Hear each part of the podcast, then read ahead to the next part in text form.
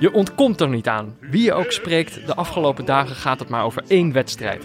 Eén halve finale. Een cruciale wedstrijd in een continentale competitie. Natuurlijk. Etoile du Sahel tegen Zamalek. Op zondagavond viel de beslissing in de CAF Confederations Cup, zeg maar de Europa League van Afrika. Wie gaat er naar de finale? Thuis had het Egyptische Zamalek met 1-0 gewonnen en op bezoek in Tunesië leken ze niet van plan er een wedstrijd van te maken. Vanaf de eerste minuut stonden ze met z'n allen in het penaltygebied. Het ging nog goed ook, tot de laatste minuut. Keeper Mahmoud Abdelrahim, die al vroeg geel gekregen had voor zijn overdreven tijdrekken, pakte de bal met zijn hand buiten het penaltygebied. Tweede geel, rood. Nog geen minuut daarvoor had Zamalek zijn laatste wissel al gebruikt, ook om tijd te rekken, dus dan weet je hoe laat het is. De veldspeler trekt de handschoenen aan het neutrale kijken kan beginnen.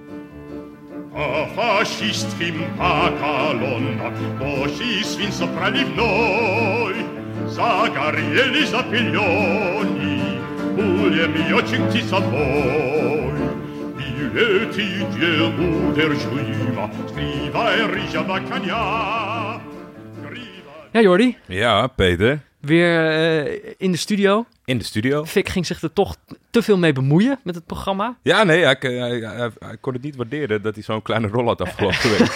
en heb ik uh, deze week uh, veel moeten aanhoren. Vond het, ja, ik vond het een beetje lastig. toch de hele zo twee ogen die, die naar je zitten te kijken. Van, dan heb je toch meteen het gevoel dat je het niet goed doet. Ja, en vooral niet lachen als je zelf denkt dat je een grapje maakt. Ja. Dat was erg confronterend van zo'n kleine man. Heel stoïcijns, ja, heel stoïcijns. Hoe was jouw week verder?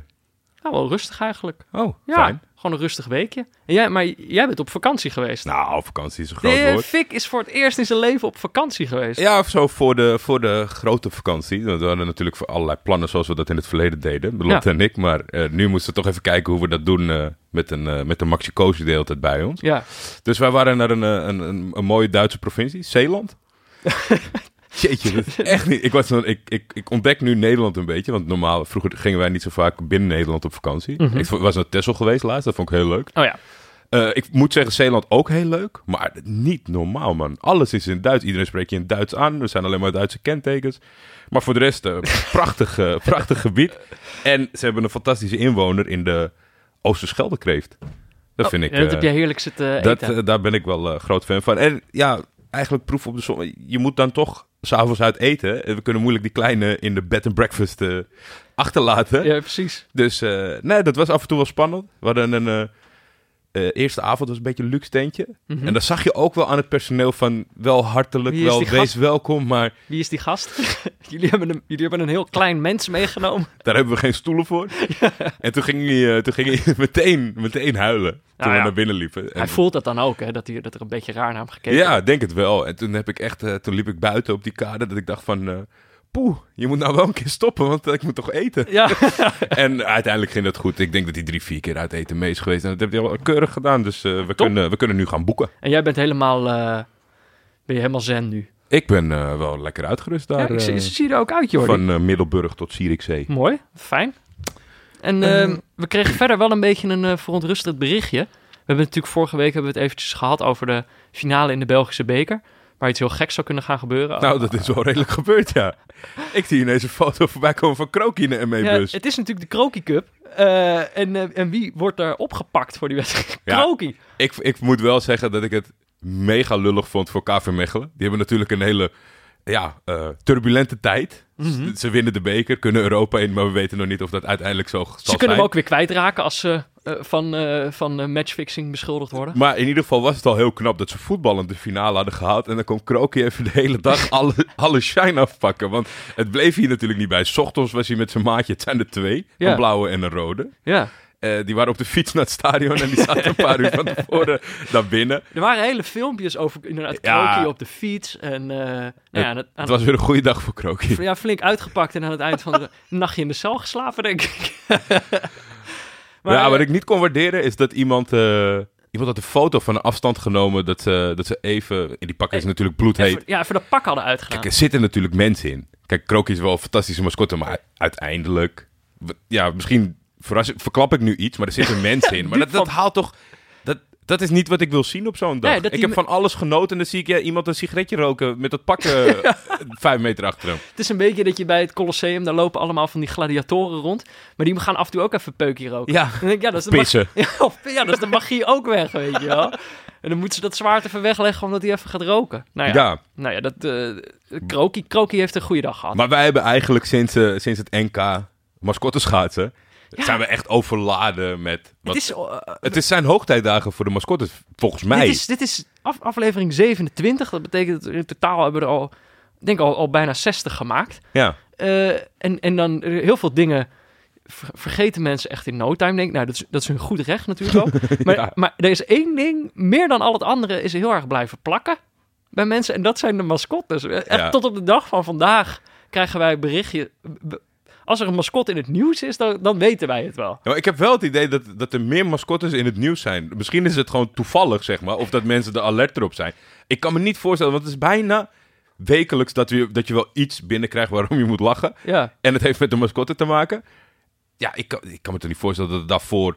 Dat er niemand dat had gezien en dat het, dat het eigenlijk de normale gang van zaken is. ik zat niet vermoedend. Ik weet niet of jij John Oliver kijkt. Eh, jawel, Eh, ja. Last Week Tonight. Dat was eh, twee uitzendingen geleden, denk ik. Was ook een heel blok over een mascotte. De Japanse mascotte Chitan. Heb ik dat gezien? Weet ik niet of ik dat Nou, ik zou, hij staat los op YouTube. Dus ik, ik, ik link hem naar je door. Dan kun je hem in de show notes zetten. Oké. In Japan is, er, is er een rebel ontstaan. Het is echt een geweldig, geweldig stukje van John Oliver. Hm. Nou ja, want we kregen dit keer ook, deze week ook nog wat ander nieuws.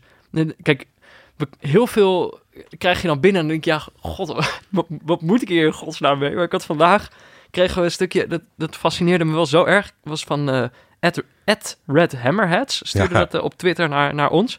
Dat ging over Hangus the Monkey uit Hartlepool eh, in, in, in het Verenigd Koninkrijk. En het bericht was, hij, hij is dus Hangus the Monkey, dus die gast, gast die er in dat pak zat, die heeft altijd die aap gespeeld bij wedstrijden van Hartlepool. Maar hij, die man is op een gegeven moment ver- verkozen tot burgemeester van Hartlepool. Eh, en, en hij is ook een keer opgepakt, terwijl hij die in dat apenpak zat. Is hij opgepakt en was daarna zo, ja, nee, ja, hij was waarschijnlijk dronken. Dus het is nogal een, een markant figuur die vervolgens drie keer tot burgemeester is verkozen Een record. een record. Maar ze hebben daarna wel besloten dat... eh dus hij is drie termijnen burgemeester geweest. En sindsdien heeft Hartlepool geen burgemeester meer. Wat ik wel trouwens... Wat ik, wat ik me meteen afvroeg toen ik dit bericht las... dacht ik, ja, is hij tegelijkertijd die aap en die burgemeester geweest? Maar dat is, is dus ook al... Dat, staat al uitgelegd in dit verhaal. Dan zeggen ze al, ja, nee, hij is... Hij is, toen hij burgemeester werd, heeft hij wel gezegd... I am Stuart Drummond. I am the ma- mayor of, mayor of Hartlepool, not the monkey. dus hij heeft dat gescheiden gehouden. Ja, dat vind ik jammer. Dat vind ik jammer. dat als je iets wil vragen aan de burgervader, dat je zegt, ja, Hartlepool speelt thuis. Je moet even naar het veld. Er staat een dronken aap op het veld, vraag het maar aan hem. Maar het is een beetje... Ik, wat, ik, wat ik nog niet wist, is of hij nou zeg maar, zijn populariteit te danken had... aan dat hij, dat hij ook die aap was Nou, geweest. ik kan me goed voorstellen, zeker, nou ja, misschien een aantal jaar geleden niet, maar in het huidige, in de huidige samenleving, dat een, dat een hele leuke mascotte het, het volk zo ver krijgt om, een, om, een, om iets te winnen, waar Ja. je op kan stemmen. Ja, dat, dat geloof ik eigenlijk wel. Nou ja, kijk, het, het is wel een beetje, dat moet ik wel zeggen... hij heeft natuurlijk dingen gedaan waardoor hij, eh, wa- waardoor hij eh, van het veld geëscorteerd is door de, eh, door de politie... verkleed als aap. Dat ik ook niet... Ik heb me niet verdiept in zijn politieke standpunt. Dus het kan zijn dat we hier aan het Dat we lachen zijn. Om, volgende week afstand van moeten nemen. dat kan nog. Een extreem rechtse mascotte. Eh, nou ja, over mascottes dan nog wel, want eh, eentje, één, één account wat we nu wel echt heel vaak hebben voorbij zien komen, wat Die hoeft niet meer. moeilijk te benoemen is. Volgens mij hebben we het al eens benoemd. Jij noemde het volgens mij letterlijk in die aflevering, maar toch krijgen we dat echt nog wel iedere week Ja. een keertje opgestuurd. Het is ook een heel grappig account. De silence. eh, Mascot Silence is het volgens Ja. mij. Gaat over mascottes tijdens één minuut stilte. Dus mocht je hem nog niet kennen, check het wel even. Maar je hoeft het niet meer naar ons te sturen, want wij kennen het inmiddels wel. Maar dat is, dat is wel heel grappig. Veel, ja, veel groter wordt het contrast niet, zeg maar, tussen de, de lulligheid van het voetbal en dan de, de, de eervolle stilte voor een overleden persoon of zo. Ja, ik vind dat wel mooi. was Eh. nog eh, een, een laatste nieuwtje deze week. Oh. Of tenminste, was het een nieuwtje. We kregen allebei een mailtje met, eh, met een mededeling, toch? Oh ja. Oh, jij wil het daar nu even over gaan hebben. Nee, klopt. Eh, eh, we we zijn genomineerd voor, voor een prijs. Ja. Dat eh, zag ik niet aankomen. Nou, ik, ja, zag ik niet aankomen, weet ik niet. Want er was natuurlijk voor deze stemming was een andere stemming om Eh, Ja, sorry, ik heb me daar niet echt in verdiept. Maar het is nee, dus... maar er was er toen een oproep van BNR van nomineer eh, je favoriete podcast. Oh ja. En toen hebben we wel een aantal mensen op Twitter laten weten van... natuurlijk hebben wij neutrale kijkers eh, ingevuld. Ja. Maar dat, dat, dat was heel lang geleden. Oh, en nu eh, zaten wij eh, toch... Ja, ik weet niet of het door Nou. aantal aanmeldingen... Ik denk door een kwaliteitscontrole... dat we genomineerd zijn eh, met vier andere podcasts in de categorie sport. Categorie sport. Ja, Nou, voor... waarom sport? Ik had wel vorig jaar als een categorie pretparken.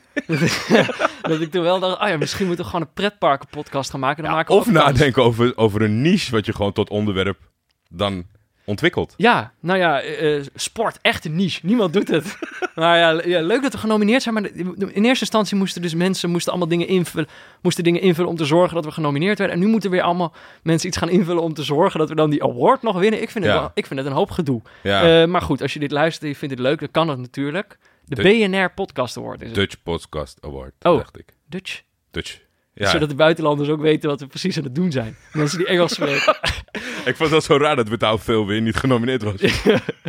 Maar ja, dus dat, eh, mocht je willen stemmen, dat kan natuurlijk. Ik heb niet zo zin om, eh, om, om dagelijks mensen te gaan vragen of ze. Nee, nee, nee. Er werd wel een soort van... er kwam wel een kleine... BNR wil graag dat we dat doen. Maar ja, nee, ja ik bedoel, pri- prima als we die prijs winnen. Maar ik ga er niet, ik ga er niet voor door mijn knieën. Nee, toch? dat, ik denk ook dat we dat niet moeten doen. En eh, We als, zien we, wel waar het schip strandt, toch? als we hem winnen, gaat Krokie hem ophalen. Dat, Dat zeg ik dat lijkt me wel... eh, dat is wel geregeld.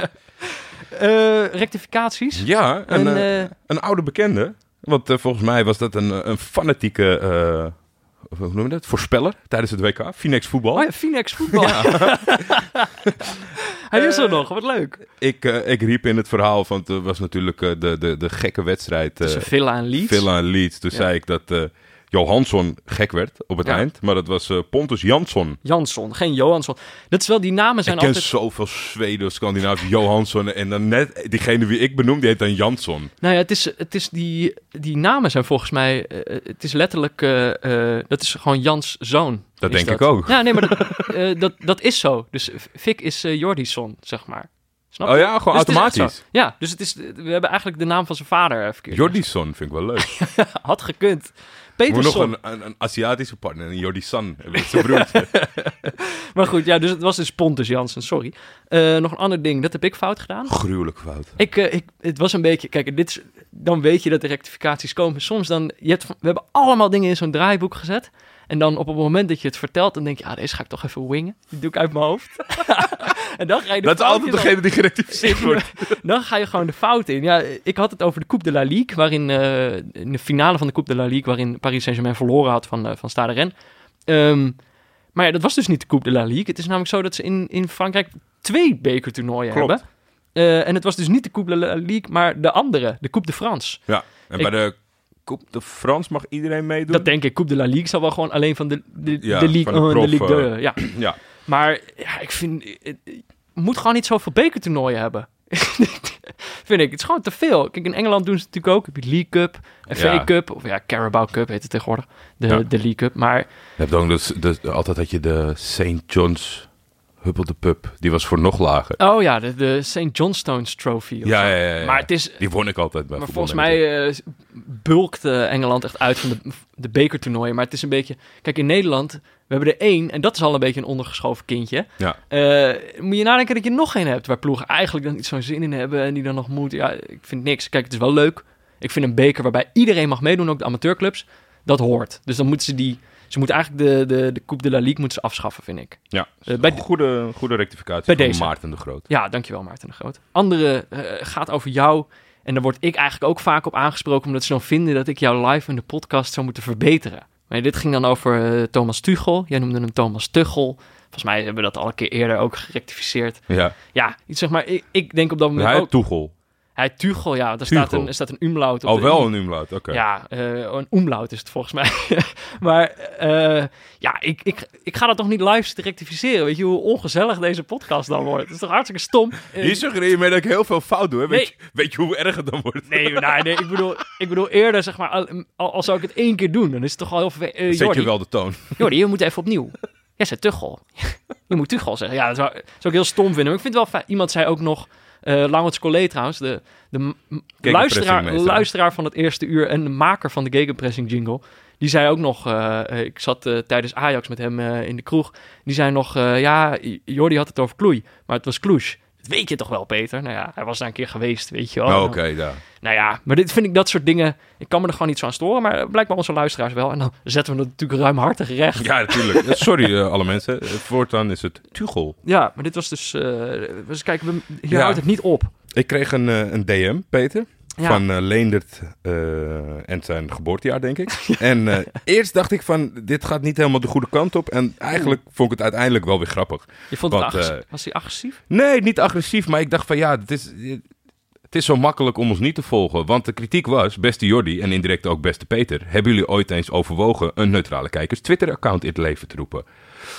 Ik kan van jullie als privépersoon natuurlijk niet eisen neutraal te zijn. ik volg jullie beiden vanwege de geweldige podcast. Maar hoe belangrijk, hoe begrijpelijk de enthousiasme, het enthousiasme ook is... niet voor iedereen fijn om te zien. Fans van de clubs die niet, of die met een F beginnen, zoals Fenerbahce of Feyenoord bijvoorbeeld. Het is heel fijn dat het goed gaat met Ajax, absoluut. Maar ik ontloop de vele berichten de volgende dag toch liever. Ja, kijk, het is gewoon iemand eh, die voor een, rivaliserende, eh, voor een rivaliserende club is. Ja. En bij ons zit er niet meer in dan jou of mij te volgen. En ja, dat, ja, ik denk dat bij mij valt het nog wel mee. Ik denk dat eigenlijk dat hij vooral over jou klaagt. ik heb het niet zo. Je? Ik heb het niet zoveel over Ajax. Maar ja, dit is natuurlijk wel. Ik vind. Eigenlijk de vraag die hij stelt is van... kunnen jullie niet gewoon een, een, een apart account maken... voor alleen neutrale kijkers... waar we dan alleen maar neutrale Nou, ik weet in de praktijk zouden- dat het bij mij, de- bij mij werkt het niet zo goed. Want kijk, er was natuurlijk eh, eh, bij, in, de, in, de, in de tijd van FC Afkikken had Ja. ik ook het account van FC Afkikken. Maar het is zo'n gewoonte vanuit je eigen naam, omdat ik ook zeg maar niet zo aan nieuwsberichten doe, zeg maar. Dus het is ook niet allemaal geschikt voor een overkoepelend account. Nee, En dat onderscheid, en dan, moet ik, dan denk ik dat ik, dan ga ik tweetjes verzinnen. Ik denk, oh, die is leuk voor neutrale kijkers. Nou, ja, het is eh, precies. Ik, en ik heb eigenlijk ook een beetje zo van ja, eh, wie gaat dat dan bijhouden? En wanneer precies? jij, zeg maar. ik. vind, Jij bent freelancer, ik heb gewoon een baan en een kind. nee, maar ja, precies, precies, dat is het een beetje. Ik bedoel, je, dan, ik vind één account vind ik eigenlijk al, al net iets te veel. dus ik snap zijn ergernis wel, maar ja, dan, eh, ik, ik, ik, eh, kijk, ik hou me al in, vind ik. En ik denk dat Jordi zich niet gaat inhouden, Leendert. Dus ik vind op zich, ik vind het heel goed dat hij meteen met een oplossing komt. Geldt Ja. natuurlijk ook niet voor iedereen die, die klaagt tegen Nee. ons, maar, of over ons. Maar eh, ja, ik, denk, ik, zie het niet, ik zie het niet gebeuren. Ik, ik denk dat het ook moeilijk is. Want eh, wat ik best bereid zou willen doen om, om een account aan te maken. En waar je dan eh, de losse stukjes eventueel. Of de, of de uitzending tweet. Weet je, dat soort zaken. Ja. Maar dan voor de rest is het helemaal niet leuk om te volgen. Omdat er verder geen tussendoor eh Ja, dat is, eh, als, als ooit het neutrale kijkersuniversum nog, nog een beetje gaat groeien en we kunnen, we kunnen, Ja, kunnen we fulltime iemand, iemand, aan, een social media werknemer aannemen die dat gewoon gaat doen. Dan, eh, dan, dan gaan we dat uiteraard doen, Leendert. Maar dus eh, misschien eh, komen we hier over vijf jaar nog een keer op terug. Ehm, dat is het nog niet helemaal. We hebben een... het, kijk, rectificaties... We hebben wel eens gezegd dat we weinig rectificaties kregen. Nu zijn het twee pagina's. Maar dat komt eigenlijk door de komende twee personen.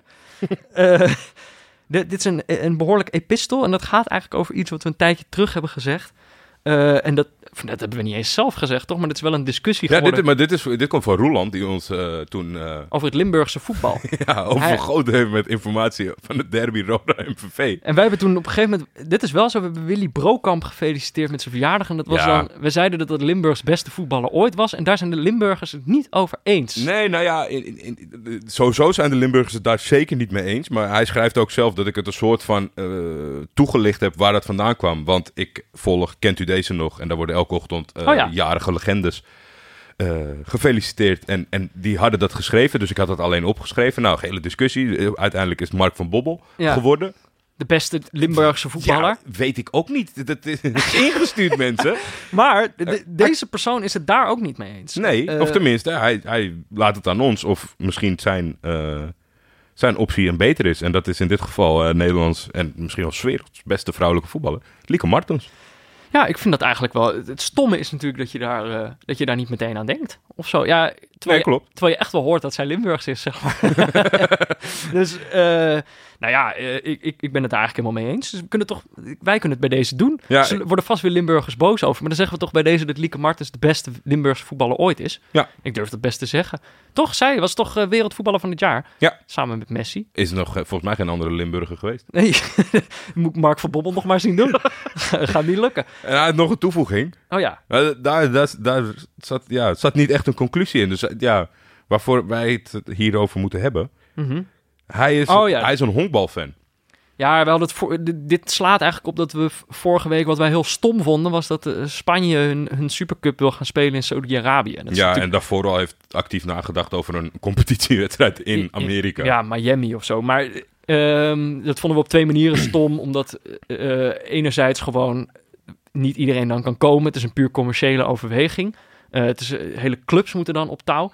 Eh, en tweede natuurlijk dat je gewoon niet naar Saudi-Arabië moet gaan. Dat, Nee. dat tweede vindt hij denk ik wel prima, maar hij vindt eigenlijk dat op verplaatsing een wedstrijd spelen vindt hij, vindt hij wel wat. En dat komt omdat hij dus de NBA volgt en de NFL en de en, en Voornamelijk en de MLB.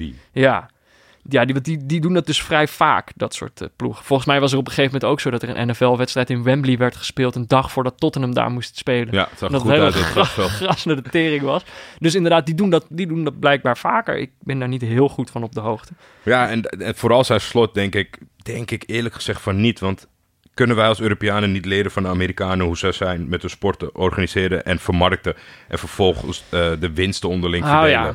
Om Ja. vervolgens spannendere competities te creëren. Nou, volgens mij bij het basketbal is één ploeg al elk jaar eh, kampioen. Ja, nee, daar tast ik echt in het duister. Daar ga ik echt, daar ga ik echt niks over zeggen. Dat zou- de Golden State Warriors, maar dat... eh Maar ik bedoel, deze, de- deze persoon, wie is het eigenlijk? Wie, die, die. Die, die deze rectificatie heeft opgestuurd. Roeland, ik heb eh, alleen eh, zijn achternaam eh, van Wikkel.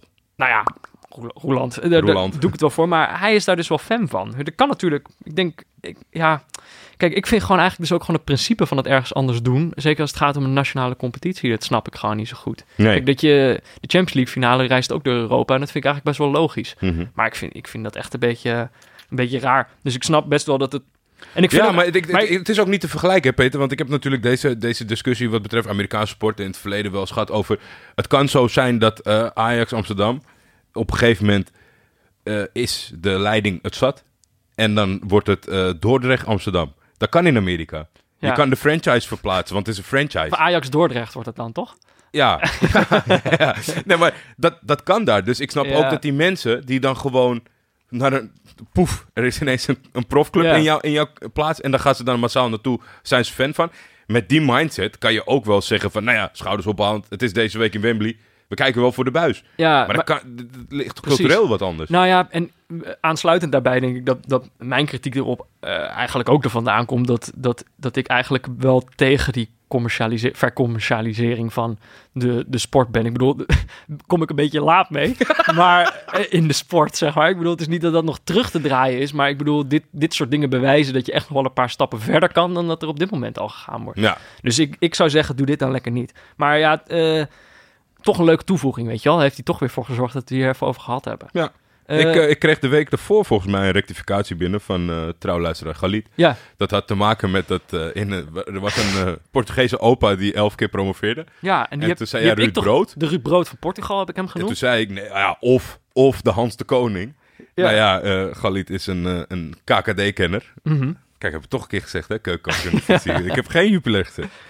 Eh, die stuurde mij een foto van een hele verbaasde Hans de Koning. Ja, Want hij is geen promotiewonder. Eh, Hans' specialiteit was juist net niet promoveren. Lukte alleen met Go Ahead in 2016. Zijn specialiteit is een arm om de schouder bij de moeilijke jongens, opportunistisch voetbal en godzegende greep. Seizoen erop in de eredivisie bleek heel goed waarom hij alleen in de KKD excelleert. ja. dus je, eh, die Portugese man is wel de Ruud Brood van Portugal. Ruud Brood is ook de Ruud Brood van eh, Nederland. Maar Hans Koning is niet de... de Sorry Hans, ik heb het geprobeerd, maar Ja. eh, er zijn mensen die dit niet accepteren. Eh, nog een, een laatste ding. Gijs-Jan Visser die, eh, stuurde ons... Hij is een trouwluisteraar sinds eh, de, de aflevering over Congo en Democratische Republiek Congo. Hadden wij ook niet kunnen verwachten dat we daarmee een nieuw publiek zouden aanboren. Maar dat publiek bestaat in ieder geval uit Gijs-Jan Visser. Die gaat eerst, dat vind ik wel, die gaat eerst jou complimenteren. Dan heeft hij geen complimenten voor mij. Hij zegt, ja joh, stem, Jordi. Dat vind ik zo'n fijne stem. Ja, werd, werd, werd eh, toch wel in één, eh, in één rijtje genoemd met Harry Lensink. Ja, en met Lemja van eh, Haagse Zaken. Dat is, dat is nogal wat, Jordi. Ja, ja, misschien moeten wij met z'n drieën een keer aan de podcast werken. gewoon alleen maar niet op de inhoud, gewoon op, op stemgeluid. Maar dankjewel, uh, Gijs-Jan. Ja, maar het is, het- je, je stem is ook prachtig. Maar waar, waar, waar zijn rectificatie eigenlijk over gaat, is dat wij... Het is een toevoeging. Ja, eigenlijk een toevoeging. Ja, we hebben vorige week hebben wij natuurlijk de, de, de derby uit, eh, uit Estland gekeken. En dat was natuurlijk eh groot succes. Dat was Flora, Flora Tallinn tegen Levadia Tallinn. En we vergeleken ze respectievelijk met PSV en, eh, en Ajax. Maar hij vond eigenlijk dat we in het benoemen van die twee clubs... dat we eigenlijk nog één club vergeten waren. En dat is namelijk de, volgens hem de AZ van, eh, van, van Estland. Een Nomakaliu. Ja, nee, en die, die zijn dus ook een aantal keer kampioen geworden. En komen uit Tallinn. En komen ook uit Tallinn. En, en zijn punt was eigenlijk... Ja, Maar die schamen zich een beetje voor, want die hebben het niet in de clubnaam staan. Ja, precies. Nou ja, of dat ze ook denken, ja, dat is een beetje gênant. Dan ziet iedereen dat we allemaal, dat we al, weet je wel, net als in die Russische competitie komen, ze, komt gewoon de helft uit Uit Moskou. Moskou. Ja. Maar ja, dus eh vond ik een leuke toevoeging. Ja, alleen, ja, er zat nog wel een soort van rectificatie in voor mij. Want eh, ja, natuurlijk na een compliment eh, komt regen. Tot slot vond ik Jordi wat badinerend over het stadion van Flora. De hoofdtribune van deze A. Le, Le Coq Arena. Ja, Lijkt inderdaad op de hoofdtribune van de toekomst. Maar daar houdt de vergelijking toch echt wel bij op. Met een capaciteit van 14.000 mensen. ja dat geloof Hoe ik echt dan? niet. Nee, dat is Want wij hebben het erover gehad niet. van Salah aan de kant van de trainer. Zal daar nog een tribune zijn, maar dat werd aan niet gefilmd. En het zag er echt niet zo uit. Want daar zat Ja. ook die mevrouw met de plastic tuinstoel de interviews te doen na de wedstrijd. Ja, maar ik weet- 14.000, Blijkbaar, dan ik- moet het wel. Want op dat tribunetje, eh, dat heet het in Ah, beeld ja, als, was. je, als je daar 14.000 mensen op krijgt, knap hoor. Ja, nee, dat, dus nou ja, misschien... is- Het is een beetje als dat... dat, dat Ik ga wel even het stadion van, eh van Kalju opzoeken. Want die Uh. heeft een capaciteit van 600... Wat is het? 600? 650. Ja. Ik bedoel, dat is jouw woonkamer, Jordi.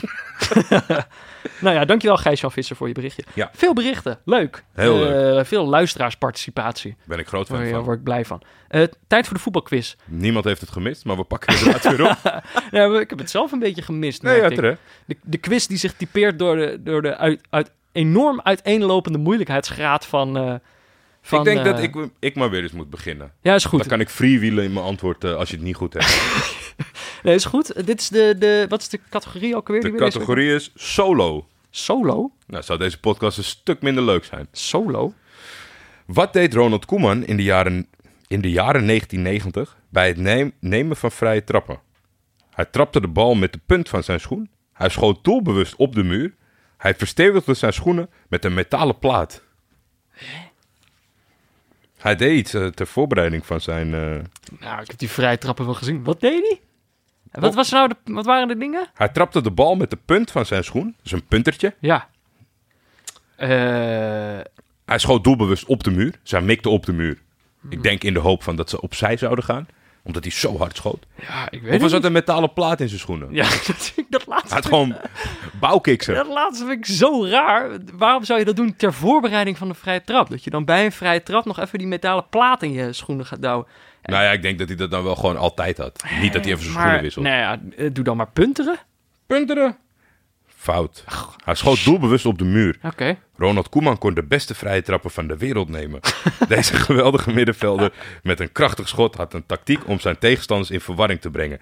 Bij de eerste vrije trap van de wedstrijd vuurde hij doelbewust en uit alle macht op de spelers in de muur. Daardoor waren ze voor de rest van de wedstrijd bang voor hem. Ah. Koeman bezorgde FC Barcelona in 1992 de Europa Cup 1 dankzij een doelpunt uit een vrije trap. Ja, En mocht Juriaan van Wessem luisteren, dat was tegen Sampdoria. Meisje.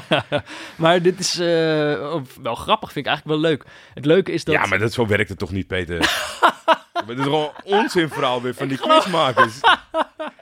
Is dit onzin? Dat heeft hij dan toch ooit gezegd? Of Ja, zo? maar wat, dan gaan, dus de eerste vrije trap die ze in de wedstrijd krijgen, schiet keihard op iemand. En dan Ja. de volgende wedstrijd, nee, ik ga niet meer in de muur. Nee, ik ook niet. En dan staat er geen muur. Dan staat er gewoon een Ja, muur. dan ga je iets anders springen. Soms zie je toch wel eens in een muurtje een gast die dan Nee, net dan niet ga je misschien springt. net even wat eerder op je zij. Of, of, of maar dat, is, dat was niet, eh, dat was niet Ja. de chemie van zijn eh als, er is, als er een speler dat ooit zou doen, dan zou ik dat, zou ik dat een leuke strategie vinden. dus ik weet niet of Ronald Koeman het gedaan. Eh, Oké, Uitlopen. Welke beroemde Spaanse schilder besloot een club financieel te hulp Dali. te schieten met een schilderij? Tip? Hij had een erg mooie snor. Ja, je hebt het al goed, denk ik. Welke, welke schilder heeft er nog meer een erg mooie snor? Ik heb maar één Spaanse schilder. nee, maar ik weet dat Ja, het ik ga het nog checken. Ja, Ja, check maar wel. even, hoor. Salvador Dali, ja. In eh, 1977 schoot Salvador Dali de club Sant Andreu op de rand van het bankroet te hulp door hen een origineel werk aan te bieden, getiteld Goal. het schilderij werd geveild en maakte de club weer financieel gezond. Toen een journalist de schilder vroeg waarom hij dit gebaar had gemaakt, antwoordde hij met humor: Als ik Salvador heet, dan is dat niet voor niets, zei hij. Salvador is natuurlijk Spaans voor redder. Nou ja, eh, leuk. Eén over, jou- één over jou, Jordi. De tendens is, eh, is weer veranderd, mensen. De het sfeertje is helemaal verdwenen. Sorry. Eh, nou ja, goed, zoals ik in de introductie al zei, we hebben natuurlijk een, eh, een wedstrijd gekeken uit de Afrikaanse Europa League. Ja, go- goed, eh, eh, beter kan ik het niet uitleggen. Nee, hoeft ook niet. Ehm, maar eh, voordat we het daarover gaan hebben, het was natuurlijk een wedstrijd tussen, tussen eh, Etoile du Sahel en Zamalek. Een halve finale voor wie zich in de, in de finale ging plaatsen. Ehm, voordat we daarover gaan hebben, gaan we natuurlijk eh, even naar een woordje van onze sponsor.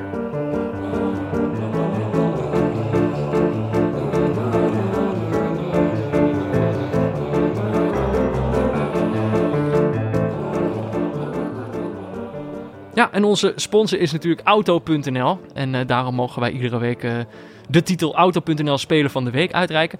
Eh, we dachten heel even dat, het een vloek, dat er een vloek op rustte, maar die vloek is weg. Het is tegenwoordig een zegen. Iedereen die deze titel krijgt, gaat het hartstikke goed doen.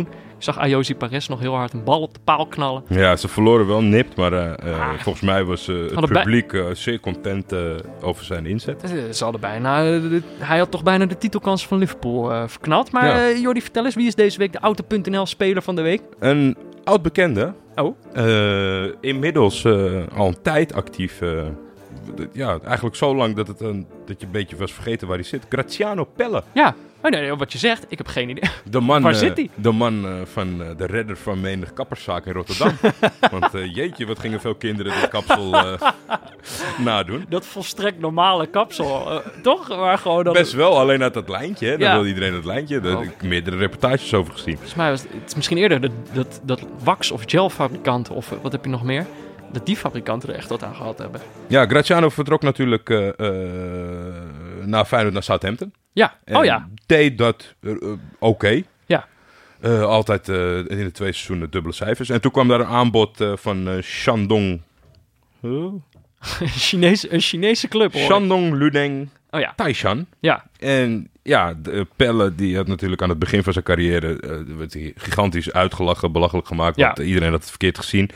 De sensatie van het jeugd-EK bakte er niks van. Totdat eh, Louis Feyenoord hem, had het verkeerd gezien, toch? Ja, maar ja, met terugwerkende kracht heeft Louis gewoon weer zijn gelijk kunnen halen. Want hij Ja. werd natuurlijk een sensatie in Rotterdam. Mhm. En eh, ja, ik denk door die vertraging kon hij dat eh, miljoenenbod eh, vooral uit China Maar- niet weigeren. Waarom is hij nou Speler van de Week dan? Nou, omdat hij was niet zo... Ik denk... Meest, ik heb het idee dat als je naar China gaat, dat het heel moeilijk is om op, op, op level te blijven. Ja. In, in je hoofd, zeg Ja. maar. En, en dat merkte ik wel bij hem in de eerste twee seizoenen. Mhm. Niet eh, de doelpuntenreeks eh, die, die je verwacht bent. Of tenminste wie je denkt als je een, een competitie wat eenvoudiger is, Ja. dat je gaat spelen. Maar dit seizoen heeft hij in de eerste twaalf officiële duels eh 14 doelpunten gemaakt. Zo, Ja, hoop. en eh, afgelopen eh, weekend was dat tegen Hebei CFFC met twee doelpunten. En de wedstrijd daarvoor had hij een hat-trick. En eh, ja, maar twee wedstrijden waarvan hij heeft meegedaan niet gescoord.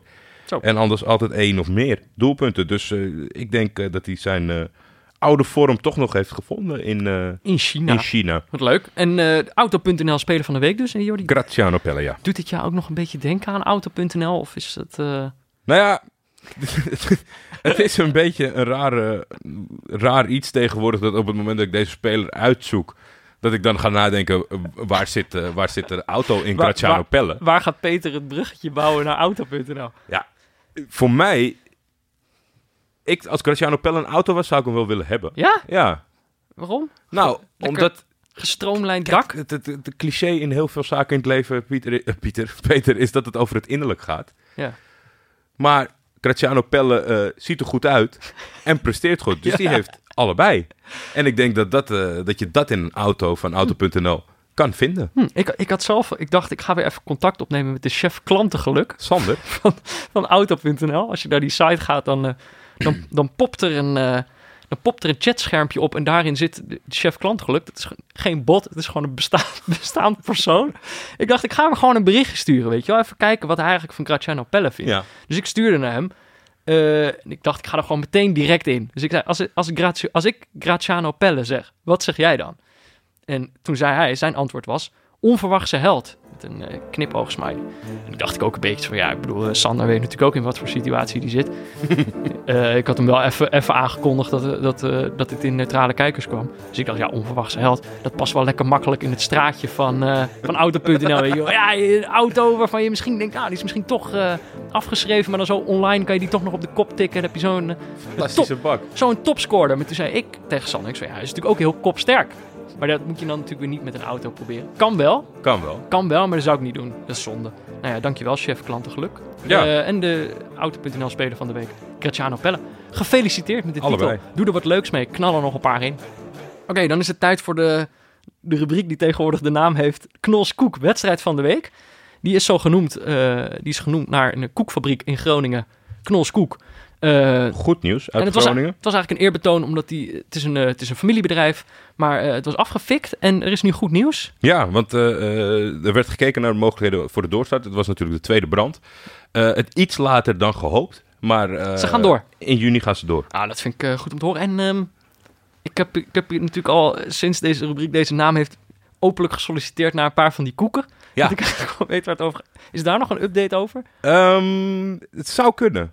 Zou kunnen, maar ik, ik, ik, ik, met dat soort dingen ben ik voorzichtig, Peter. Want ik kan ze nu niet uit mijn tas halen. Op het moment dat ze er zijn, dan gaan wij dat live eten. Zoals wij dat zo Oh, goed kunnen. Gek. Knolskoek van de... Oh, lekker, een knolskoek. Dat lijkt me wel echt lekker. Maar goed, de, eh, de wedstrijd van deze week was natuurlijk Etoile du Sahel tegen Zamalek. Ja. Uitgekozen door onze, door onze eigen wedstrijdcurator, alhoewel. Michiel Jongsma, die wilde dat zelf even rectificeren. Ja, nou ja, het- is volgens mij eh, ontstaan en, en afgesproken in jouw afwezigheid. Dus er was wat, eh, er was wat verwarring. Ja. Hij, hij, hij- ten eerste werkte hij niet voor ons. ik deed een oproep omdat hij ons had geholpen één week. En dat was echt een, een fantastisch aanbod. Ja. En daar maken we nu wekelijks eh, eh, prettig gebruik van. Ja, En zijn win-win situatie zit hem in het feit dat hij wedstrijden die aantrekkelijk lijken, die hij niet snel zelf gaat kijken, dat hij daar een uitgebreid verslag van ons van krijgt. Oh ja, dus zijn rectificatie was eigenlijk van de, de manier waarop Peter het uitlegt, lijkt het alsof ik werk voor jullie. Ja, Terwijl wij werken eigenlijk voor hem.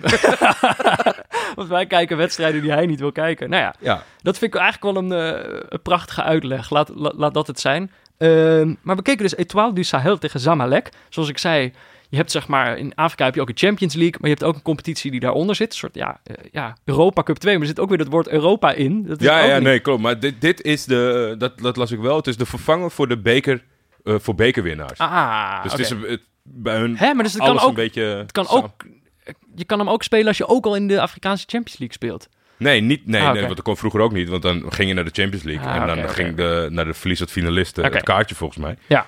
Maar nu is het als de UEFA Europa League eh, ingedeeld, want eh, b- landen hebben veel deelnemers. Oh, de, ja. de toplanden hebben volgens mij drie of vier deelnemers. En eh, ja, we zijn in de beslissende fase aangekomen. Ja, het was de halve finale. Tweede, de tweede halve finale. Weet je wel, eh, als mensen dit luisteren, vanavond is natuurlijk de tweede halve finale van Ajax. Dit was ook de tweede halve finale. Vind ik Eh, wel altijd leuker dan de eerste halve finale. Ja, tuurlijk. Dan, ja, toch? Ik bedoel, dan, eh, dan valt de beslissing. Dus ik was ook wel blij dat we die gingen kijken. Eh Etoile du Sahel is een Tunesische club. Eh Zamalek is Egyptisch. Ja. Eh, in Egypte had Zamalek met 1-0 gewonnen. En eh, nou, laten we het zo zeggen. Het leek er deze wedstrijd wel op dat ze die, dat ze die voorsprong niet gingen uitbreiden. Laat ik het het Samalek is gisteren door ons betiteld als het Atletico Madrid van Noord-Afrika. Ja. En dat deden ze met verven. Nou, want dat was... Kijk, Michiel Jongsma die stuurt ons ook altijd... als hij een tip geeft voor een wedstrijd... dan, dan stuurt hij ook gelijk gewoon... die weet dan blijkbaar ook op welke spelers we dan moeten letten. Ja. Eh, en, en hij zei... ja, bij Zamalek moet je op eh Ferjani Sassi letten. Die, heeft een, eh, die speelde tegen zijn, zijn landgenoot... is een Tunesische voetballer. Ja. Nou, die, die was geblesseerd. Helaas. En, en van aanvallen was ook niet zoveel sprake. Maar hij zei wel... en dat, dat hebben wij wel gezien... hij sprak van een ijzersterke defensie... dat in de zeven van de negen, laatste negen wedstrijden... hadden, had Zamalek de nul gehouden. Dat snap ik. Nou, we hebben gezien hoe dat kwam. Verder stonden er eigenlijk niet echt uh, bekenden op het veld, toch? Nee, uh, de, de, de bekendste betrokkenen bij dit duel was uh, de trainer van de Tunesische ploeg, Roger Lemaire. Ja. Die natuurlijk in 98 assistent was en daarna het zelf mocht doen in Nederland en België. De, e het EK won.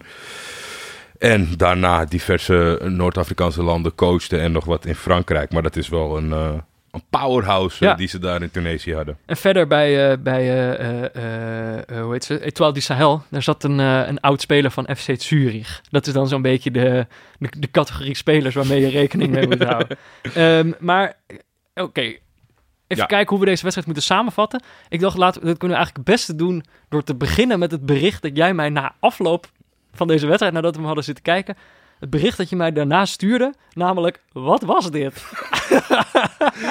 Ik denk dat dat, ja, dat was het wat in me opging. In combinatie met dat ik ontzettend uitkeek naar deze zomer.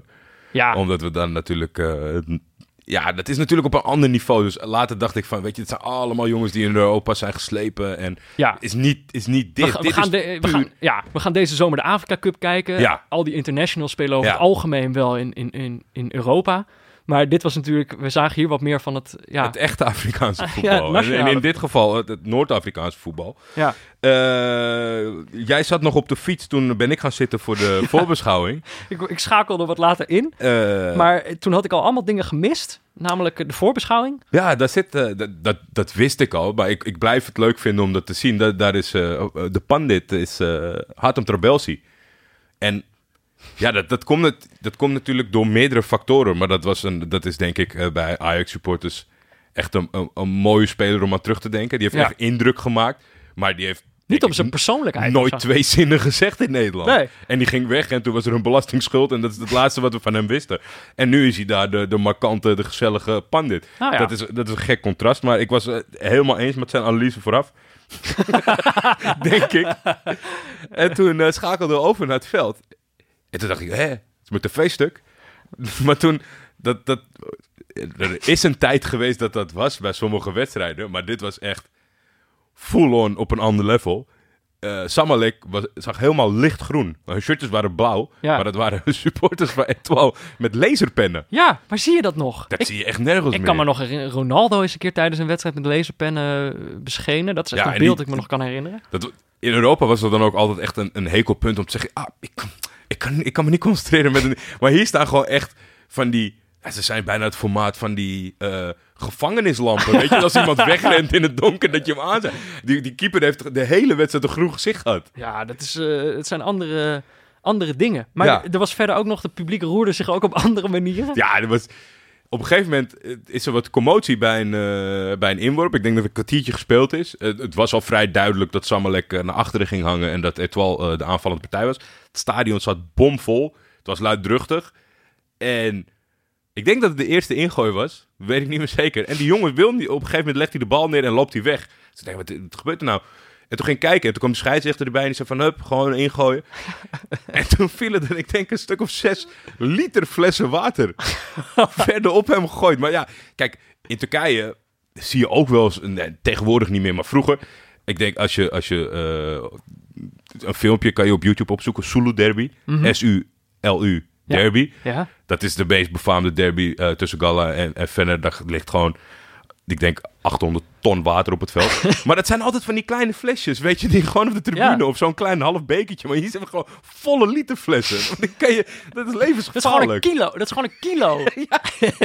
nou, dat bleef nog wel de hele wedstrijd zo aanhouden. Dat is eh, Maar veel water naar beneden gekomen. Maar had het dan toch, het, het was vooral denk ik een wedstrijd van randzaken. Want als we het over, over de wedstrijd zelf hebben, eh, zoals we al zeiden, Zamalek leunde gewoon achterover. Ja. Hebben blijkbaar een eh, ijzersterke defensie en daar Ja. durven ze ook gewoon volledig op te leunen. Stonden gewoon met, eh, met zo'n beetje iedereen in het eigen penaltygebied met vlagen. Ja, En Etoile du Sahel kon daar niet echt mee omgaan. Enige momenten dat ze gevaarlijk werden, waren dode spelsituaties. Dus corners, daar werd het publiek helemaal gek. Alsof zij, blijkbaar is het altijd zo of zo. Ja, maar ik, ik kan me dat ook wel goed voorstellen. Omdat ik, ik, ik denk, als je zeg maar 90 minuten een soort van de vrijheid krijgt van je tegenstander... om het op welke manier dan ook te proberen... en niks wordt gevaarlijk behalve een vrijtrappen voor corner... dan zal dat dan ook wel in de nationale competitie... of in de andere, Ja. of in de andere eerdere wedstrijden in deze competitie... zal dat wel gewoon het enige wapenfeit zijn. Want het was gewoon aanvallend echt slecht in de, ja, de hele tweede helft heeft Etoile aangevallen. En af en toe was er een goede voorzet van de zijkant of een balletje breed, waarvan je echt wat mee kon doen. Nou ja, ik heb de meest hopeloze pogingen tot volleys gezien. Ja, dat, dat viel mij ook op. Ze hebben echt ze hebben zo vaak over die bal heen Maar gejast. de- heb je zo- heb je zo'n ervaren trainer? Zo'n trainer loopt dan naar zo'n speler toe van... Als je het al moeilijk vindt om gewoon rechtuit te schieten, Ja, doe dan geen volley. het is, het is een beetje die... Want inderdaad, het lukt dus gewoon niet om op doel te schieten Nee. vanuit, vanuit open spel. Dat hebben ze echt heel zelden gedaan. Ehm, maar het is inderdaad dat je je ook afvraagt... Kijk, het is natuurlijk... Dat Samalek ga- speelt gewoon heel gedisciplineerd. Die gaan gewoon... Ze hebben gewoon afgesproken voor die wedstrijd... we gaan met z'n allen verdedigen. Ja. Eh, maar je... Zeg maar, het Had werkt... Obama dat bepaald, denk ik? Oh ja, nou ja, voor mensen die dit niet snappen. eh Zamalek had een nummer 10 en die heette Obama. Ja. Youssef Obama, hele goede naam. Ja, jij, International van Hawaii. ja, ja, jij wilde met deze geboortepapieren zien. Maar ehm, kijk, wat, wat er dan gebeurt, is dat het werkt niet alleen omdat je de hele tijd aan het tegenhouden bent, maar je, je ziet ook dat dat ultra verdedigende spel, zoals Mourinho ook wel eens deed, dat werkt ook mentaal. Je tegenstander wordt er ook heel gefrustreerd van. En volgens mij zit dat in al die volleys. Dat de gast eindelijk een keer een bal voor zijn voeten krijgt met, met het doel in het vizier. Dat hij dan denkt, ja, nu ga ik hem ook gewoon zo hard mogelijk erin Rammen. Wat, wat als gevolg heeft dat die gasten gewoon de bal de hele tijd. Ja. Eh, maar dan krijg je dus eigenlijk een wedstrijd. Zamalek probeert het alleen maar te, te traineren. Zij, Ja. zij doen echt niet mee. En voorop de keeper. Mahmoud Abdel Rahim, Ja, bijna... a.k.a. Gnesh. Ja, ik zou, als je, als je een keeper met een bijnaam hebt, dan, eh, dan is het foute boel. Nou, die, ga, ik, die heeft zulke gekke dingen gedaan. Hij was sowieso echt al belachelijk veel tijd aan het rekken. Ja. Eh, kreeg hij ook al heel snel eh, geel voor. En dat was eigenlijk, volgens mij was het op een moment... Hij gaat op een gegeven moment liggen. Hij heeft een botsing gehad met een, met een speler. Zag er inderdaad niet zo, niet zo heel lekker uit. Hij gaat ook naar de grond. Zag er ook helemaal niet goed uit. Komen artsen bij. Het ligt heel lang stil. Iedereen... Hele opgefokte artsen. Nou ja, iedereen was opgefokt. Toch? Iedereen bleef zich ermee bemoeien. Duwden ze, duwden ze van het veld af, want die vonden het nu te lang duren. Maar mijn vraag aan jou was, want ik, ik, ik schreef allemaal dingen op van... als mensen dit zien, dan zitten ze echt hoofdschuddend te kijken van wat, wat er toegelaten wordt. Maar was het een act? Ja, dan, nou, Was dit een act? Want die hij- jongen ging door zijn hoeven. Ja. Tot twee keer toe. Nou ja, het was inderdaad ook om even uit te leggen voor de mensen die, die deze wedstrijd niet gezien hebben. Eh, Ga ik even vanuit, hè. Misschien heb je het gewoon zitten kijken. Maar in ieder geval, die keeper inderdaad ligt eerst heel lang op de grond. Dan denk je af, oh, dat gaat niet goed. Tik op zijn kop gehad. Die zal wel een hersenschudding hebben. Vervolgens tillen ze... Dat is niet zo moeilijk te acteren. Dat geloof ik. En dan, tikken ze, dan tillen ze hem een paar keer eh, overeind, inderdaad. En dan zakt hij helemaal door zijn knieën. En hij zit de hele tijd zo met zijn handen voor zijn ogen. Eh, hij doet alsof hij niet kan praten. Er is ook heel veel chaos op dat moment. Er zijn ook allemaal spelers die zich ermee bemoeien van beide clubs. Dus het is ook een, een heel... Kijk, je ziet meestal als iemand tegen de grond gaat... dat spelers een beetje afstand nemen. Volgens mij is dat ook het De beste. ruimte geven aan de artsen. Volgens mij is dat ook het beste om te doen. Was hier niet het geval. Maar inderdaad, na vijf minuten of zo, het duurt ontzettend lang. Eh, die artsen hebben zoiets van deze gast moet het veld uit. En dat, dat dacht je als kijker ook, want die gast kon niet op zijn benen staan. Nee. Nou, die wil je niet in je goal zetten. Maar die keeper zegt: nee, nee, nee, ik blijf erin, ik blijf erin. Ja, en dat, dat zie je natuurlijk vaak bij spelers. Die- Ja. Je moet het zo zien, want ik denk dat de meeste luisteraars dat wel gezien wat er van de week bij Jan Vertongen gebeurde Ja, in de wedstrijd. Maar dan heftiger leek het ja. op mij over te komen. En dan uiteindelijk zegt de keeper, nee, nee, gaat wel goed. Gaat gaat, wel goed. gaat eigenlijk wel. En ik, ik, ik dacht van, dit, dit kan gewoon niet. In eerste instantie, en daarom, daarom ging ik een klein beetje twijfelen aan de oprechtheid. Want Ja. er, er is toch geen trainer op welk niveau ter wereld die hier denkt van... Ah ja, ga dan ook maar verder. Als jij, als jij zelf voelt dat het goed is. Hij moest ook terug het veld in om een, om een, corn, of een vrije trap tegen te houden, in potentie. Ja. Ja, ik dacht echt, het is toch hilarisch als deze gewoon naar binnen rolt... omdat hij nog staat te tollen op zijn benen. Maar er was eigenlijk gewoon helemaal niks aan de hand met Nee, hem. nee ik, ik denk, ik, denk eh, ik durf wel te stellen dat het een act was. Vooral omdat hij gewoon de rest van de wedstrijd ook doorging om op alle mogelijke manieren zoveel mogelijk tijd te rekken. Je kent het zelf. Als je, bedoel, als je zelf op het veld staat en je staat voor, dan gaat je keeper ook lekker met elke bal die hij pakt, gaat hij er even op liggen. Weet je hoe stom dat ook is. Ja, Maar nee, je pakt die secondes. Maar hoe leuk is het dan dat op het allerlaatste moment, want Samalek houdt het gewoon echt supergoed tegen. Eh, kansen worden gewoon niet afgemaakt. Er komen wel steeds meer kansen. Ja. Ik denk dat Samalek ook vermoeider werd. Maar dan eh, eigenlijk, je denkt het is klaar. Het is echt denk ik nog een minuut of zo. En op dat moment, die, er, er stuit het een bal op het randje van het eh 16 meter gebied. Die keeper denkt, ik pak hem even. Er is eigenlijk, wordt niet echt druk op gezet, maar hij denkt, ik, ik pak hem even en dan ga ik hem gewoon weer heel erg lang vasthouden. Maar die bal stuit het net van hem af. Waardoor hij net een stap te veel moet zetten. Staat hij opeens, nou ja, naar het oordeel van de scheidsrechter. Buiten het 16 meter gebied. Maakt hij dus hens. Krijgt hij zijn tweede geel. Moet hij, hij moet het veld af. Nou, enorme heisa weer natuurlijk. Hij wilde niet, weer niet het veld af. Maar ik, ik moet zeggen, eh, Jean-Jacques uh, Ndala Ngombo... Mhm. de scheidsrechter van dienst eh, uit de, afkomstig uit de Democratische Republiek Congo... Ja. was heel gedecideerd. Maar er is, eh, er is in deze competitie geen VAR. Nee. Eh, ik, heb, ik heb die bal nooit de 16 meter uit zien gaan. En we, we hebben niet de beste hoeken gekregen van de camera. Maar dat was wel het moment dat ik een beetje bang was dat de scheidsrechter Oh. eh, het fijner vond als Etoile thuis zou winnen. Nou, of in ieder geval een verlenging eruit zou En slepen. het, precies, als ze die zouden maken in de laatste minuut, eh, dan, dan zou er inderdaad nog een verlenging komen. Maar het is ik zat daar wel op te het was voor ons toch ook te mooi om waar te zijn, Ja, toch? ja, een verlenging met een speler op doel. Maar Ja. de situatie is zo, want we hebben natuurlijk... eh, als jij eh, supporter bent van Etoile en denkt van ons team is veel beter dan dit. Ja, Ja, ik kan er niet veel meer van maken, want er kwam nog 7 of 8 minuten blessuretijd daarna. ja. Met een speler op doel. Is het, ze, ze hebben niet eens op Ze doel niet- geschoten. Niet één keer op doel geschoten. Die jongen heeft geen bal gehad. Hey, maar kijk, het was, wat ik zei, het was eigenlijk te mooi om waar te zijn. Want je zit gewoon 90 minuten te kijken naar een wedstrijd waarin één ploeg eigenlijk gewoon helemaal niet wil voetballen. Nou, dat, dat heeft op zich ook wel zijn charmes. Ik kan altijd wel de bewondering voor opbrengen als een ploeg dat gewoon collectief doet. Dat heb ik bij Ja. Atletico Madrid ook. Maar zeg maar, dat dan op het allerlaatste moment opeens een, een, een, een speler... Ik vind dat altijd al heerlijk. Ja. Maar dan ook op zo'n cruciaal moment. De keeper die eigenlijk ook al... Iedereen haatte hem. dat hij ook degene was die zo'n fout maakte. Ja, het was te mooi om waar te zijn. En dan uiteindelijk... Ja, het was ook, het was ook absoluut voor, voor, voor, voor niemand goed geweest. Maar puur uit eigen belang had ik nog wel zin in die verlenging eraan te plakken. Ja, dat was... eh, Ik denk dat was echt... Als die, die speler zag er ook niet uit alsof het nou een goede... Goeie- stand-in keeper was. Nee, dus dat was, echt- had knotsgek kunnen worden. Dan had Etoile er gewoon eh, vijf gemaakt. Maar ja, die, die, ze schoten maar niet op doel. Nee. Dus eh, het eindigt... eh, nou, je, je proeft het al een beetje. Eindigt, eh, eindigt Zoals nul- het gestart was. Ja, eindigt eh, 0-0. Eh, en dat betekent dus dat de Zamalek, de Egyptische ploeg, naar de finale gaat. En die treffen daar Marokkaanse Berkane. Dat, die hadden uit met 2-0 verloren.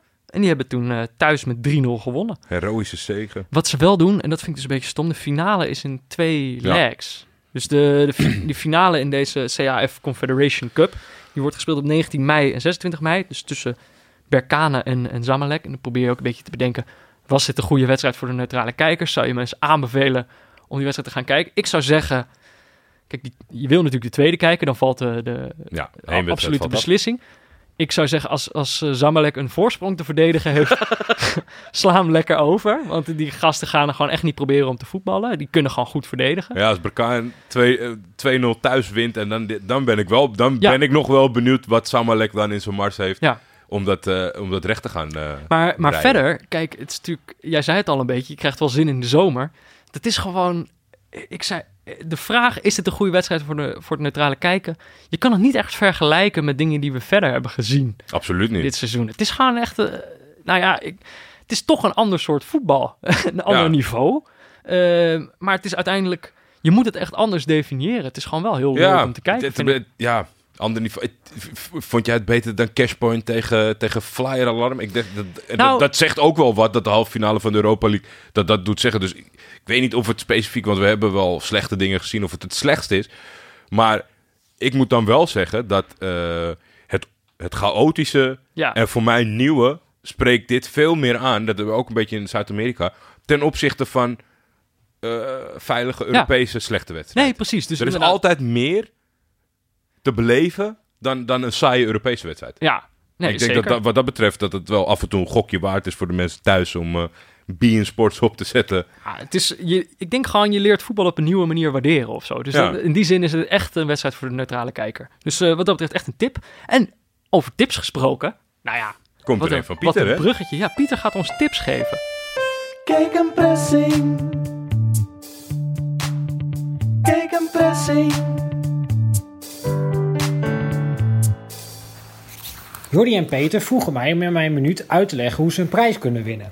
Neutrale Kijkers is namelijk genomineerd voor de BNR Podcast Awards. En voor mannen die van praten over het kijken naar topsporters hun expertise hebben gemaakt, is winnen natuurlijk belangrijker dan meedoen. Het vervelende aan deze situatie is dat ik eigenlijk geen idee heb hoe je prijzen pakt. Ik heb ooit twee talentenprijzen gewonnen, maar daarmee dreigt vooral het Arnold Brugger-syndroom. Dusdanig als wonderkind op het schild gehezen worden dat alles daarna tegenvalt. Ik ben wat dat betreft hard op weg, want dit jaar greep ik met de val van Oranje naast twee prijzen. Goed, ik ben dus niet bepaald de aangewezen persoon om te helpen. Maar jij bent dat wel. Ja, ik bedoel jou. De luisteraar die iedere week de volledige 5 uur volmaakt wanneer Jordi en Peter uitweiden over een wedstrijd in Estland.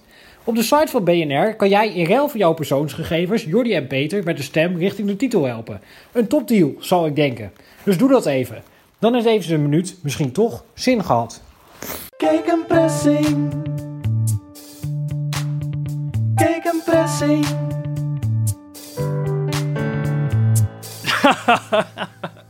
Nou ja, dankjewel Pieter. Ja, daar, doen- daar doen we het dan maar mee, toch? Ja, dat, eh, dat, eh, dat, dat moet het dan maar zijn. Ik moet wel zeggen hij, dat hij stelt dat voor ons winnen belangrijker is dan meedoen. Ik zou juist denken, het neutrale kijken draait helemaal niet om winnen. Dat draait juist om meedoen. Toch? Je zit gewoon... Ja, Als neutrale Maar- kijker win je altijd. Dat is het eigenlijk. dat is, dat is zeker waar. Maar het neutrale kijken is natuurlijk ook wel, in ieder geval voor mij persoonlijk, een masker. Maar om, om, om eh, dit lijntje verder door te trekken, weet je, vanuit... eh, eh, het is heel leuk dat Pieter jullie oproept om voor ons te stemmen. Maar vanuit het neutrale kijkersperspectief zou ik zeggen van... stem gewoon op, op wat je hart ingeeft, weet je wel. Kijk gewoon eh, wie, er tussen, wie er allemaal in het lijstje staat. En kies er daar gewoon één uit. Ja, want het wordt nog moeilijk als je alleen sportpodcast luistert. Want je moet alles aanvinken voordat je, voordat je door mag, geloof ik. Ja, ja. Eh, nou, dankjewel Pieter. Ja, nou, dan we om, eh, dan blijven we bij Pieter. Bij verder nog wat leuks. Ja. Of nee, oh, hebben we niemand te feliciteren? Nou, nee, nou, Oh. nee. Ik heb een felicitatie te rectificeren. We hebben natuurlijk vorige week, twee weken terug, hebben we Mark van Bommel gefeliciteerd namens eh, Anne van Dag en Nacht Media. Vonden we heel nobel dat hij toch Mark van Bommel wilde rectificeren. Vorige week hebben we die felicitatie gerectificeerd. Hij trok hem toch terug en zei van, nou nee, Ook een klein, eh, klein gebaar. Heel van, eh, klein, heel klein. Hij liet echt zien wat een klein mens hij van binnen eigenlijk is. en dan eh, deze week heeft, krijgt het weer een twist, want hij wilde namelijk zijn rectificatie op de... intrekken. Nee, zijn rectificatie wilde hij rectificeren. Ja, Hij zegt, ik wil Mark van Bommel toch eigenlijk nog twee weken later alsnog feliciteren. Want er valt dit jaar niet veel meer te feliciteren bij Mark van Bommel. zo, dat zijn gewaagde uitspraken. Als je, denkt dat hij niet, als je denkt dat hij niet kleiner kan, Ja. dan wordt hij no- toch ik, nog krijg, ik krijg soms bij Anne ook wel een beetje het idee dat hij gewoon elke week genoemd wil worden. En ik, ik denk dat wij na deze uitzending moeten overleggen of we hier nog aan mee willen werken. Want dit is eigenlijk gewoon een beetje ego-dingetje van Anne aan het worden, denk ik. Precies, wij zijn niet jouw... Hij eh, heeft gewoon zijn eigen podcast. Waarom moet hij elke week hier? ja, ga lekker in je eigen podcast Mark van Bommel uitschelden, man. Ja. Eh, Ik, ik hou van Mark van Bommel, ik hou van die man. Wij, wilden hem al, wij, wij hadden hem al gefeliciteerd. Ja. Nou ja, eh, nou ja, ik wil het toch even zeggen. Dus bij deze. Alsnog, alsnog gefeliciteerd, Mark van Bommel. Dan het VI Pro-artikel van de week. Ehm, jij, hebt er, jij, jij, jij zei meteen deze. Ja, dat was eh, de, de la- meest recente, denk ik. Ja, dus eh, eh, vers van de pers. Nusair Masraoui kan weer een oplossing voor Ajax zijn. Geschreven door het eeuwige talent Pieter Zwart. De Ar- Arnold Brugging van de sportjournalistiek. Ja, nou ja, het moet, eh, het moet een bonte week zijn geweest op VI Pro dat Pieter eh, de winnaar is. Ik, ik probeer altijd Pieter zijn stuk een beetje te mijden. want anders eh, blijven we aan de gang. Ja, nee, dit was natuurlijk voor, voor de rol die, die Masraoui eh, invulde, zowel in, in Londen toen hij inviel als, als in de bekerfinale. ja. Dat hij heel veel lucht en creatieve oplossingen kan bieden. Op het zijn middenveld. positie op het middenveld inderdaad. Hij heeft Ja. natuurlijk bijna het hele seizoen achter uh, Sier gespeeld. Waarin hij eh heel eh, combineert met hem. Maar nu eh, kan hij eh, wedstrijden openbreken als tegenstanders zich eh, nogal gaan aanpassen aan Ajax. Ja, en daar, daar gaat dit stuk over. Eh, Pieter, Ja. Pieter legt uit wat, wat Masraoui precies komt doen op aan het de hand van beelden en eh, tekst en uitleg. Ja, Dus dat Ja, lijkt mij... een, Het was eh, voor mij eigenlijk halverwege die bekerfinale dat ik opeens dacht: van, oh ja, hij staat op het middenveld. Ja. Dat, eh, dat Christ, ik ging er gewoon vanuit als je Masrui ziet staan, dan staat hij in je hoofd automatisch al. eh, Ja, nee, maar dat was ook met zijn invalbeurt dat ik gewoon in de, in de emotie van de wedstrijd binnen een seconde van... Wat? Voor twee rechtsbacks! maar, ja, het Erik is, ten Hag. maar het is een beetje, hij is, hij is van oorsprong natuurlijk ook een middenvelder. Volgens Ja. mij in de tijd dat hij bij Jong Ajax speelde, eh, was het ook een, eh, een middenvelder, volgens mij de Marcel Keizer eh, periode. Mhm. Dus van nature zal hij dat zijn. En het is natuurlijk ook wel een type speler bij wie ik me dat eigenlijk wel. Maar bij wie Ja, je het dat is, wel het kan is een vrij frivole en luchtige back. Dus dat, over het algemeen denk ik Ja. pas zijn voetbalkarakter beter op het middenveld. Maar ik, ik zie hem nog steeds, denk ik wel, graag rechtsback spelen. Ja, li- liever dan de andere die bij Ajax spelen. Maar kijk, waar dit stuk ook over gaat, eh, kijkt alvast een beetje vooruit. Eh, kijk, eerst was Mazraoui was een oplossing op rechtsback. Er werden een aantal rechtsbacks aangetrokken van ja, die moeten we dan hebben. Die, Ja. die werden het allemaal niet. Maar dan heb je hem eigenlijk al in huis. Namelijk, het is gewoon een middenvelder. Nu gaan natuurlijk wat middenvelders weg bij Ajax. En dan is het punt van Pieter Zwart van, dan kan hij misschien daar een oplossing Ja. eh, worden. Nou, Ja, maar misschien ook nog wel in de- het resterende deel van de competitie. Maar het leuke is, kijk, het is natuurlijk een speler bij wie je zeker in het begin een beetje dacht van, ja, maar wa- waar, waar zit het hem nou precies in? Hoe kan hij nou, ho- hoezo, is hij, hoezo is hij zo goed? En waar ligt zijn plafond precies? Het is een speler die zich niet eenvoudig laat plaatsen in van, oh, het is net zo'n speler als die bijvoorbeeld. Of het is net Nee, zo'n heeft soort een hele, hele eigen invulling aan, aan Ja. de positie. Dus het is, eh, in die zin is het altijd leuk om zo'n artikel te lezen, omdat je dan wat beter begrijpt waar je eigenlijk naar zit te kijken. Ja, ik, ik, ben, ik ben heel erg benieuwd of het nog een afweging is voor de trainer. Als je ziet dat eh Ziyech eh, nog beter excelleert dan dat hij normaal doet. Door een klik met de rechtsback. Dat je dan een soort van Ja, genoegen neemt met zijn verdedigende invulling van die positie. Ik, ik vraag me af of dat, of dat een... hij of dat- verdedigt ook wel lekker. de laatste- Jawel, en eh, Ja. hij is ook zeker wel in het seizoen gegroeid. Maar in het begin dacht ik echt van, Ja. dit, dit is geen rechtsback. Nee. nee, maar ja, dat is de, de positie verandert natuurlijk ook wel. Ook daar Ja. worden wel interessante dingen over gezegd. Maar eh, mocht je dit dus willen lezen, dat kan gewoon. We hebben natuurlijk elke week mogen we gratis een artikel van VI Pro eh, weggeven. vi.nl slash neutrale kijkers. Dan kan je het gratis lezen. Ik zou wel zeggen, als je al die andere dingen op VI Pro wil lezen, die ook heel interessant zijn. Eh, er zijn namelijk ook andere mensen dan Pieter Zwart, die, eh, die wel eens wat schrijven Ja. over voetbal. Eh, dan, kan, dan moet je natuurlijk gewoon een abonnement nemen. En dan moet je ook zeggen dat je, dat je van ons komt. Dat kan, dat kan voor 1 euro, hè? Wist je dat? Euro, ja, dat 1 euro! dat raak je toch wel eens kwijt. Dat is serieus, dat raak je toch wel eens kwijt. Als je het laat vallen, dan twijfel je even of je het toch gaat oprapen. Ja, maar je, je hebt ook... we krijgen natuurlijk steeds de cijfers door. Ja. En ja, ben ik zeer te spreken over. Over het aantal abonnees eh, die, die door ons geworven worden voor Ja. het eh, masterblog. maar ja, voor 1 euro verwacht ik eigenlijk wel een nulletje achter dat aantal Ja, abonnees. Vond je, ik, ik, Ja. Kijk, bij, ik, ik tweette het ook vorige week toen ik erachter kwam. Ik zei 5 euro moet je misschien thuis eh, aan je vrouw of aan je vriend vragen van... Nou schat, ik zou dit heel graag willen. Wat vind jij? Ja, Maar een euro, jongens. ja Wat een aanbieding. precies. Jezus. Kijk gewoon in je zak of je het ergens Mijn nog inner zitten. telcel komt hier helemaal vrij. Om, ik kan iets weggeven voor een euro. Nou ja, kijk, la- laten we nou ook gelijk mensen een motivatie geven. Want bijvoorbeeld een stuk dat je niet kan lezen als je geen abonnee bent. Dat is een stuk van, eh, van Sam Planting. eh, deze ja, dat week vonden we net niet goed genoeg, dus die moeten we achter. Maar dit is een heel, kijk, dit is een artikel dat eigenlijk in, in zekere zin past heel erg binnen mijn straatje, zeg maar. Dit zijn dit soort dingen, dit is het soort Wil jij weten? Het gaat, nou, het gaat over het soort clubs. Kijk, toen we begonnen met dit seizoen, dan ga je heel erg afvragen van wat wil ik nou eigenlijk zien? Wat wil ik als neutrale kijker zien? En ik kwam toen een beetje op het punt van ja, het zijn toch eigenlijk ploegen die gaan verrassen, die met goed beleid eh, iets unieks weten neer te zetten. Daar zoek je naar, maar je weet van tevoren natuurlijk niet wie dat zijn. Eh, maar wat Sam Vandaar dat we waarschijnlijk van eh, Manchester Derby en de Lazio Derby bij de Europa League van Afrika zijn beland. Ja, precies. Maar uiteindelijk, ehm, kijk wat Sam Planting doet in dit artikel. De, de titel is Deze vier clubs spotten met de financiële wetten van het Europese topvoetbal. De financiële wetten die, waar hij over schrijft, dat is eigenlijk gewoon in principe is de eindstand in een Europese topcompetitie is eigenlijk altijd gewoon de ranglijst van begrotingen. Dus Ja. de, de rijkste club wordt kampioen, de armste club degradeert. Dat is het zo'n beetje. Natuurlijk, dat fluctueert een beetje, maar grotendeels klopt het eigenlijk altijd wel. En hij gaat dus kijken naar vier clubs die de verwachtingen overtreffen.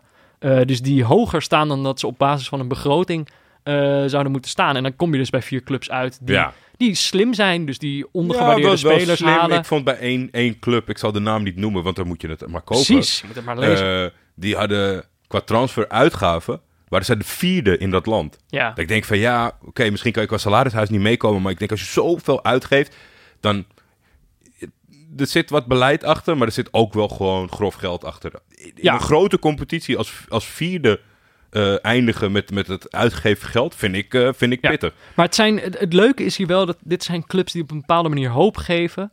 Eh, alhoewel dat we. Ik zit. Dan ga je ieder- weer, hè? Iedere week neem ik weer het woord hoop in mijn mond. En dan zie ik jou echt als oh Peter. Dan ga je weer. Nee, maar toch uiteindelijk het bewijs van goed, goed beleid. Dan ga je echt boven je kunnen Je bent presteren. een goede jongen. Ja, ik- En ik ga, jou, ik ga jouw dromen niet, eh, niet verpesten. Dus blijf, blijf vooral hopen. En ik, ja, ik, ik weet niet of dit op de agenda stond, Sam Planting. Maar ik vind dat dit artikel moet een tweeluik zijn. Ik heb het met jouw baas overlegd. ja, jij verkoopt al je ideeën altijd gratis. Geef ik zo op straat. Nee, maar ik denk, het is ook leuk om de vier eh, ploegen, of vijf ploegen van de topcompetities te zien die het slechts presteren op deze Er staat ladder. natuurlijk altijd wat tegenover een overpresterende ploeg. Ja, Toch? Daar een moet ook onderpresterende een ploeg. ploeg die daar net eh, iets Dat, lager eh, dat Dus wil de- ik ook lezen. Sam? De, de topclubs die, die, die veel geld uitgeven en, eh, en daar weinig mee doen. Of er niet de resultaten voor hebben. Ja. Nou ja, is- Manchester United moet daar sowieso tussen staan. Maar Denk eh, het wel. vast nog wel wat meer. hey, ehm, even Ja. wat anders. Dit heb ik een beetje zijdelings meegekregen. En dan denk ik altijd, hier ga ik me gewoon niet in verdiepen. Dat ga ik gewoon dan live in de podcast vragen. Oh. Eh, heel goed nieuws, voor jou in ieder geval. Galatasaray staat bovenaan Ja, in, ja, de- ja, ja. in Turkije. Maar dat, ik heb een beetje meegekregen dat het dat is niet helemaal lekker gegaan of zo. Of dat is een beetje dubieus. Wat is er gebeurd? Dat wil ik eigenlijk gewoon nou ja, het, het, dubieuze was in eerste instantie Kijk. dat eh, eh, een aantal weken geleden, ik denk dat er toen nog tien speelrondes te gaan waren. Toen, toen verspeelde eh Galatasaray een wedstrijd tegen Erzurumspor. Toen stond Başakşehir acht punten voor. Ja, En toen, ging, toen hadden, ze, hadden ze dat stukje vertrouwen van, wij gaan, we durven ons nu uit te spreken van, poeh, nou, het lijkt wel of de recordkampioen eh, ons niet kan bijbenen. dat moet je natuurlijk nooit doen. nee, zij speelden gelijk afgelopen weekend. Ja, dat is eh, de derde. eh, volgens mij ze hebben de afgelopen vier wedstrijden maar twee punten gehaald. Mhm. Eh, dus die zijn zoals elk seizoen bijna mentaal volledig aan het instorten. Ja. Zij moeten nog tegen elkaar. Afgelopen maandag, eh, vorige week maandag, kon Galatasaray de koppositie al overnemen. Ja. Die liepen doen tegen het Samalek van Anatolië. Konyaspor die had, eh, die had een redelijke muur gebouwd. Ja. En dus ze kwamen daar niet doorheen. Dat had toch wel een beetje een mentaal tikje. Maar eh, na het puntverlies konden ze deze week alsnog eh, de koppositie overnemen. Eh, dat moest gebeuren tegen de potentiële andere titelkandidaat, Besiktas. Mhm. En dat was gisteren thuis bij Galatasaray. Dat werd een vrij eenvoudige 2-0 overwinning. Maar er, is iets, er was iets met een inworp. Ja, tot twee keer toe. De rechtsback schiet... laten we beginnen dat, dat Galatasaray over de hele wedstrijd de betere partij was. De, de betere kans heeft gehad en niet echt in de problemen is gekomen. Mhm. Maar eh, rechtsback Mariano wil een bal wegschieten.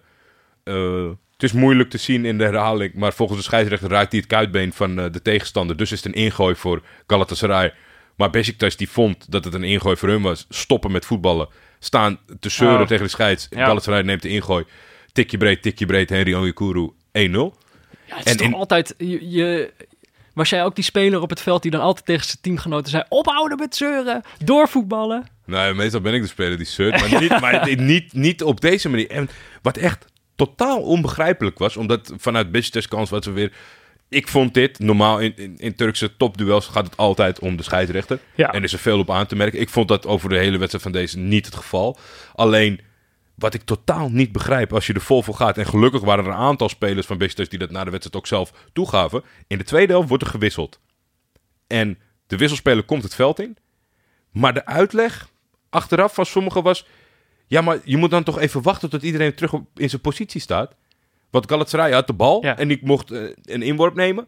Dus de scheidsrechter fluit van gooi maar in. Zij gooien. Die hele ploeg staat stil, letterlijk.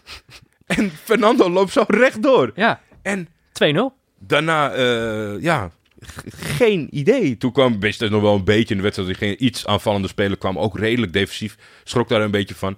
Maar ja, eh, zij hebben het in ieder geval al lang niet meer in eigen hand. Nee. En ik vond het, het was een hele rare wedstrijd gisteren. Maar, eh, Over twee weken is het eh Galatasaray Başakşehir thuis. oh. Ja.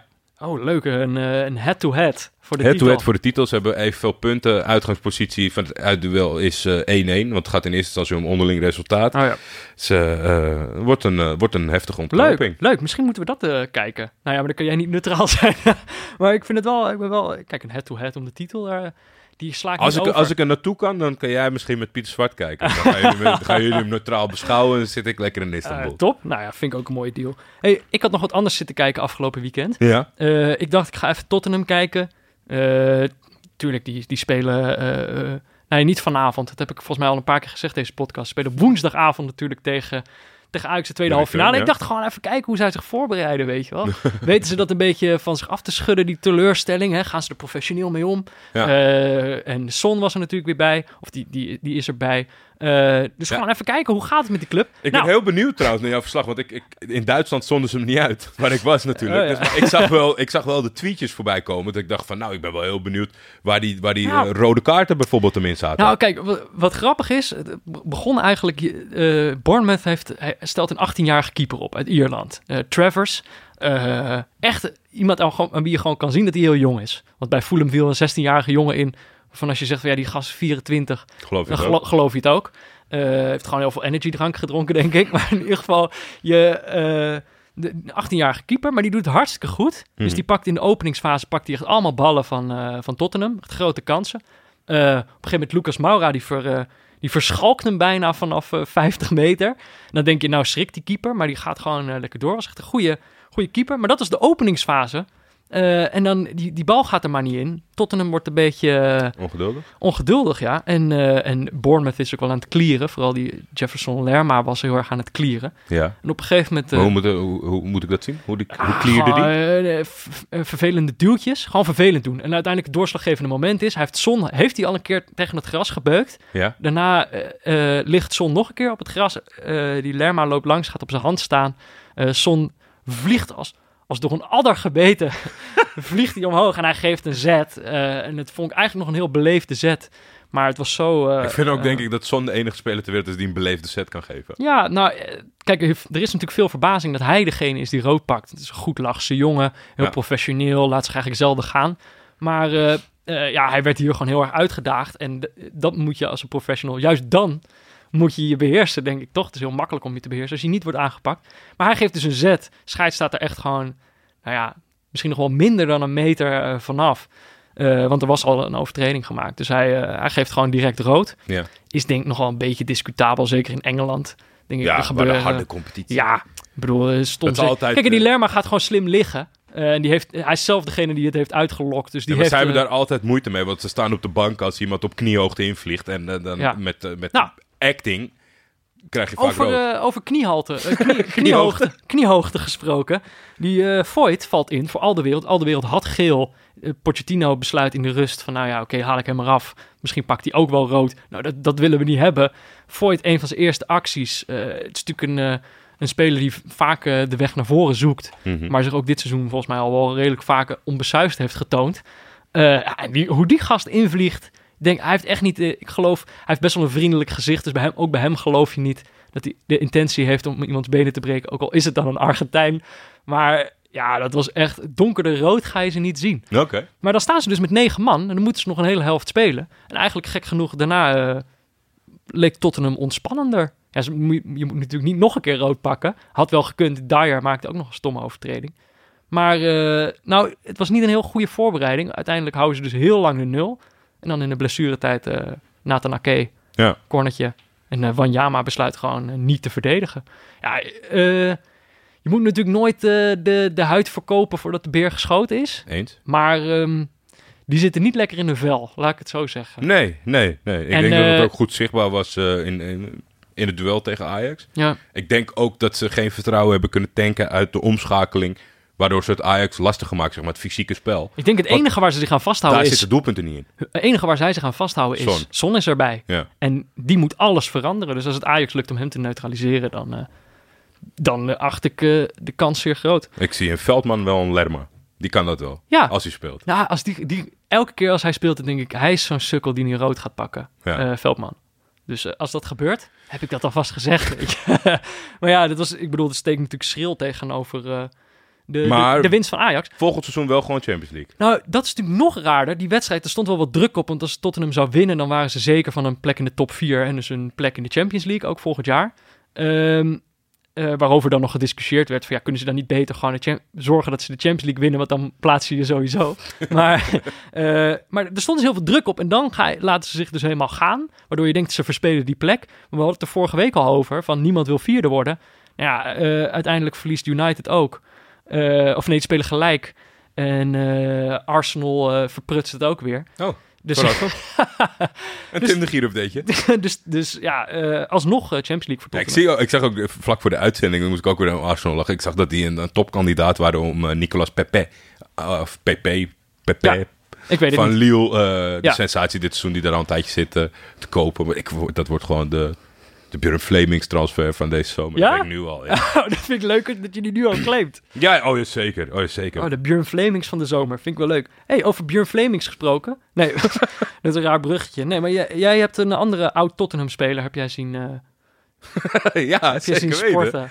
Nou, ik heb hem niet zelf zien sporten. Ik zag het voorbij komen. Ik was ontzettend benieuwd, want we hadden natuurlijk al het bericht eh, voorbij zien komen dat Rafa van der Vaart, ook onze analist afgelopen zomer, eh, Ja. zich ging richten op uh, dartcarrière. Nou, en wij hebben ook, ja, wat, wat, ik al heel, wat ik al verschrikkelijk vind om te horen. Wij geven die jongen net vertrouwen. Gaat hij darten? Zeg maar, dat was ook niet de bedoeling. Ik hoopte gewoon dat hij een leuke, dat hij een leuke analist zou worden. Ja, maar volgens mij blijft hij het wel combineren hoor. Maar Het is wel, hij deed dus mee bij het, eh, het Deens Open. Of ja, er zullen nu allemaal dartrectificaties, dat weet ik allemaal niet. Het toernooi vond plaats in Denemarken. De Ja. tegenstander hun namen deden Deens aan. anders Maar zie ik staan. Het erge is dus, ik weet niet of dit een amateur of een profcompetitie was. Hij heeft in de eerste ronde gewonnen. dus dan moet je het zo zien dat je gewoon je hele leven in, in een kroeg of in- op je zolder staat te Ah. oefenen en professional bent.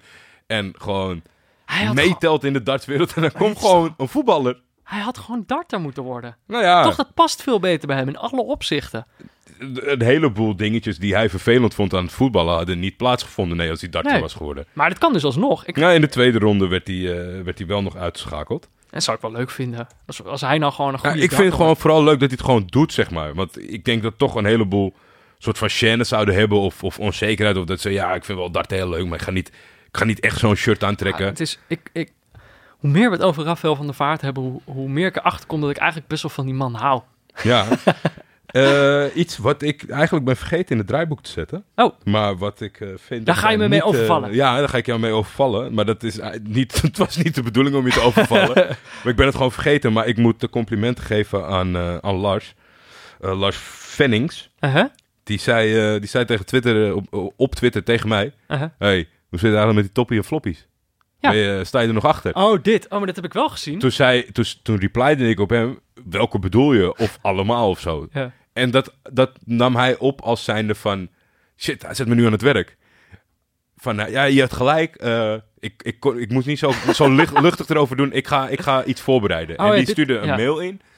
En die heeft, eh, denk ik, de uitzendingen even eh, teruggeluisterd. Mhm. En die heeft een overzicht gemaakt van alle door ons behandelde toppie of floppies. Ja, dus en eh, hij was eh, benieuwd of wij het eh, met ons oordeel toen eens waren. Maar dat is even voor de nieuwe luisteraars die het niet kennen. We, we hebben een tijdje een rubriekje gehad waarin het was in de, in de wintertransferperiode.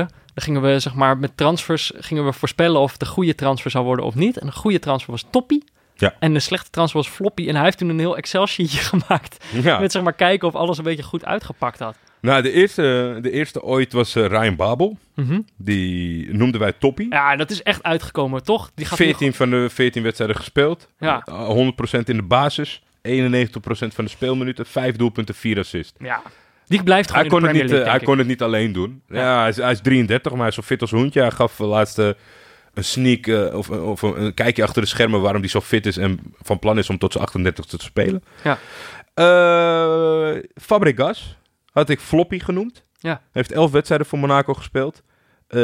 Eén doelpuntje gemaakt. 65% van de, van de minuten aanwezig is gespeeld. Mhm. Eh, volgens mij is het iets beter gegaan met Monaco toen de trainer terugkwam. Maar nu in de laatste weken zitten ze weer eh, eh, in de Panari. Ja. Eh, al met al een vrij triest seizoen waar een hele dure speler geen enkele positieve invloed eh, op heeft gehad, denk ik. Trieste club ook gewoon, vind ik. Ook goede voorspelling. Ja, maar het sowieso, hij had een heel Excel-sheetje. Het zag er sowieso best wel goed uit. Volgens mij heb je, heb jij, want ik heb het volgens mij niet gedaan. Jij zei steeds toppie of floppy. Ja, klopt. Eh, je hebt wel aardig voorspeld. Ja, Toch? ik Of denk het wel. Ik, zo, zo- zullen wij eh, het zijn... We hebben het in vier afleveringen gedaan. Dan maken we aflevering 12 de eerste keer dat we het hadden geïnteresseerd even af. En dan doen we elke week nog Oh, even goed. terugblikken. Want er kan nog wel het een en ander gebeuren. Ja. Eh Richetli Bassour heb ik een potentieel toppie genoemd. ik denk dat hij eh, stug is begonnen. Uiteindelijk eh, goed is gaan ballen. Drie Ja. doelpunten, drie assists voor uh, Richetli Bassour. Ik denk prima. Ja. Maximiliano Weber, floppy. Die heeft eh, zeven wedstrijden gespeeld. Maar dat is lullig, die is gewoon geblesseerd geraakt. 37 minuten. Ja. Is die geblesseerd geraakt? Volgens mij wel. Ja. Ja, maar anders... dan voorspel ik hem voor aankomend seizoen weer floppy. Robinho, floppy. Eh, Dat was naar een Turkse club, toch? ja, die was naar Başakşehir. Oh, en ja. eh, die had eh, uitmuntende cijfers bij Sivas, waar hij helemaal op zijn plek was. En Ja. bij Başakşehir is vooral de laatste weken onzichtbaar. Hij heeft drie doelpunten gemaakt, drie assists gegeven. Hm. Niet, niet, wat, niet wat ze er zelf van hadden verwacht, denk ik. Oké, Burak Yilmaz noemde ik top. En die heeft elf doelpunten gemaakt in twaalf wedstrijden. lekker. Toch, waar ging hij ook weer heen? Besiktas. Oh, ook Gisteren onzichtbaar. Ah, is onze oude spits, hè, dus die durfde niet. Galatasaray Eh, stroomt nog door zijn aderen. Lewis Baker, floppy neerwaartse spiraal. Hij heeft eh, 17 wedstrijden gespeeld, één doelpunt, één assist. Waar? Eh, ja, dat, eh, Lewis Baker was natuurlijk de speler Ja, die... eh, wij, wij hebben toen zijn hele carrière ja. opgesomd, omdat, het zo, dat hij zoveel clubs heeft gehad. En hij eh, nog steeds eigendom van Chelsea was, maar nu zit hij bij. Heb je het al? Redding. Reading. Redding. Ja, ja. Nou ja, ja floppy. Floppy neerwaartse spiraal. In ieder geval, ik denk dat hij langzaam verdwijnt. eh, ja. dat we hem Het kennen. kan ook heel, dat- volgens mij kan dat ook heel makkelijk in Engeland, doordat je zoveel niveaus hebt.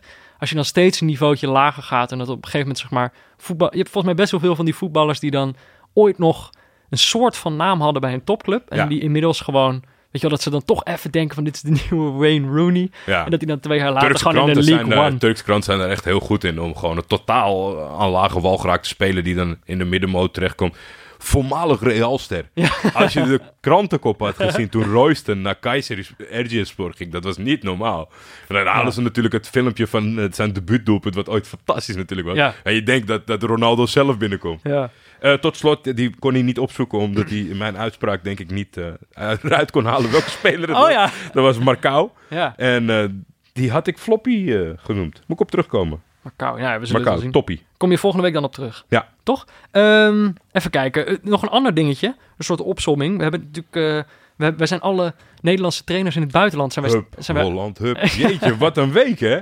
nou ja, we zijn ze allemaal gaan... eh, we zijn ze allemaal gaan kijken. Een beetje met het idee van, ja, hoe, hoe doen ze het eigenlijk? En eh wij zeiden eigenlijk toen Marcel Keizer... Daar is het eigenlijk een beetje begonnen. Marcel Keizer ging naar Sporting. De, de Sporting supporters die riepen Keizerbal uit. En eh, in het begin ging het echt weergaloos. Eh, zouden ze kampioen gaan worden. Toen zijn ze heel erg ingestort. Eh, en inmiddels stevenen ze gewoon steady op de, op de derde plek af. Achter Porto en Benfica. Het volgens mij geen schande is. Maar deze week 1-8 gewonnen. Van Belenenses. 1-8. Ja, 1-8. Wat een score. En eh, uiteindelijk vervolgens... eh, Ja, volgens mij is hij bezig aan, aan is hij de nummer 2 of nummer 3 van de langste reeks overwinningen in de Europese top, Ja. topcompetities. ja, Tiende bizar. overwinning op rij. 1-8. wat een competitie is dat Eén Portugal keer, af en toe ook. één keer Bas Dost. Ja, en één keer Godelje, geloof ik. Ja, nou ja, dat, dat kan allemaal nog. Dat ik zag bij, Mi- bij Michel Dodema zag ik voorbij komen dat hij heeft dit seizoen 14 of 15 gele kaarten verzameld. dat is ook gewoon bijzonder knap. Ja, vind- heb ik gewoon respect voor. Vind ik knap dat het kan, dat je dan niet Ja, de dat je niet uitkomt met die schorsingen. Maar eh, je dacht nog dat een andere Nederlandse trainer hier overheen zou gaan. Peter Bos, die stond bij rust 6-1 voor tegen Eintracht Frankfurt met De Leverkusen. sensatie van dit seizoen. Nou, precies. En ook een superbelangrijke wedstrijd. Want als Peter Bos nog Champions League wil halen, dan moet hij over Eintracht heen. Eh, en volgens mij staan ze nu gelijk in punten. Het was echt een superbelangrijke wedstrijd.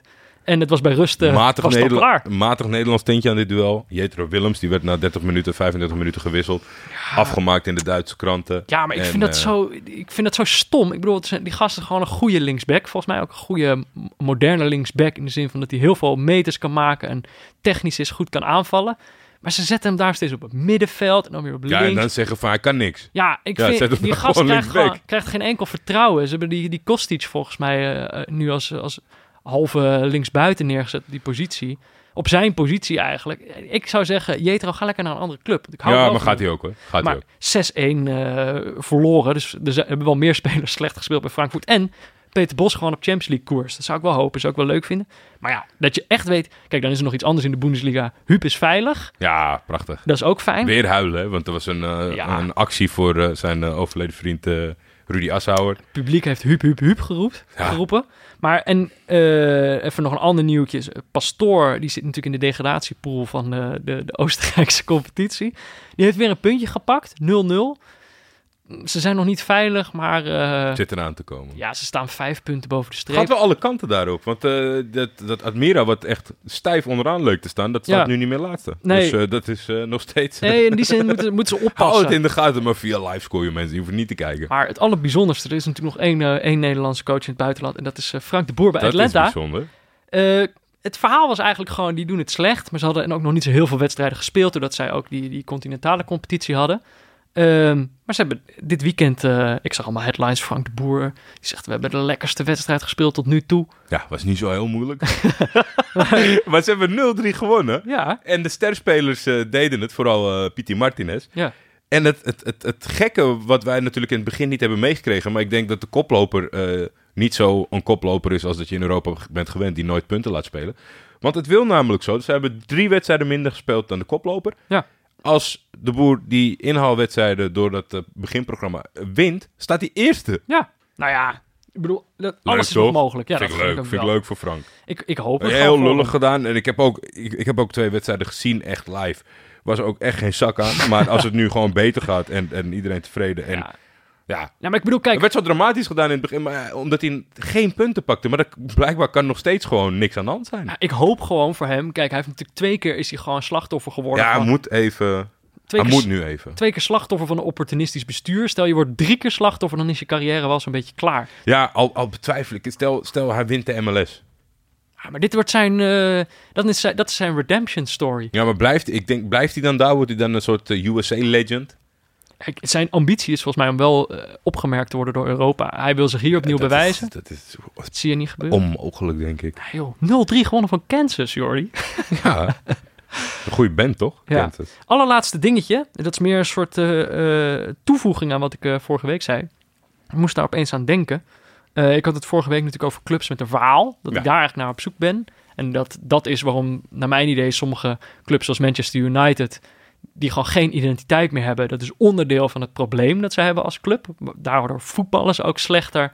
En eh, ze zullen denk ik pas weer de weg omhoog vinden als ze een verhaal hebben. Ja, want eh, voor de goede orde, ik kreeg, eh, ik kreeg een appje van Paul Bakkers over dat City, een, een ploeg die in 1800 zoveel is opgericht, hoe, hoe, hoe zou die geen verhaal kunnen hebben? Maar je verhaal kan ook natuurlijk Veranderen. veranderen Ja. en het kan kwijtraken volledig. Dat is een beetje je Oh, dat is, dat is Het is bij niet je- van de, dat, de, dat de clubs geen verhaal hebben, want Nee, je moet eigenlijk... alle oude clubs hebben een verhaal. Je, precies, maar je moet je verhaal, dat is met tradities ook zo. Als je niet, eh, Updaten. nou ja, updaten en ze ieder jaar blijven, blijven vieren. Dus inderdaad, de dodenherdenking hebben we net gehad. Als je dat Ja. niet ieder jaar doet, dan, eh, dan verlies je dat op een gegeven moment. Klopt. Dus in die zin zie ik de waarde van de tradities wel. En zeker bij een club, ja, dat, dat is al helemaal, ik bedoel, dat, dat leunt al helemaal op, eh, op, op tradities en zo. Dan moet je dat inderdaad blijven uitvinden. Maar de, de- wat ik wilde toevoegen is, kijk, ik had, we hadden het natuurlijk allemaal over clubs op, op hoger niveau.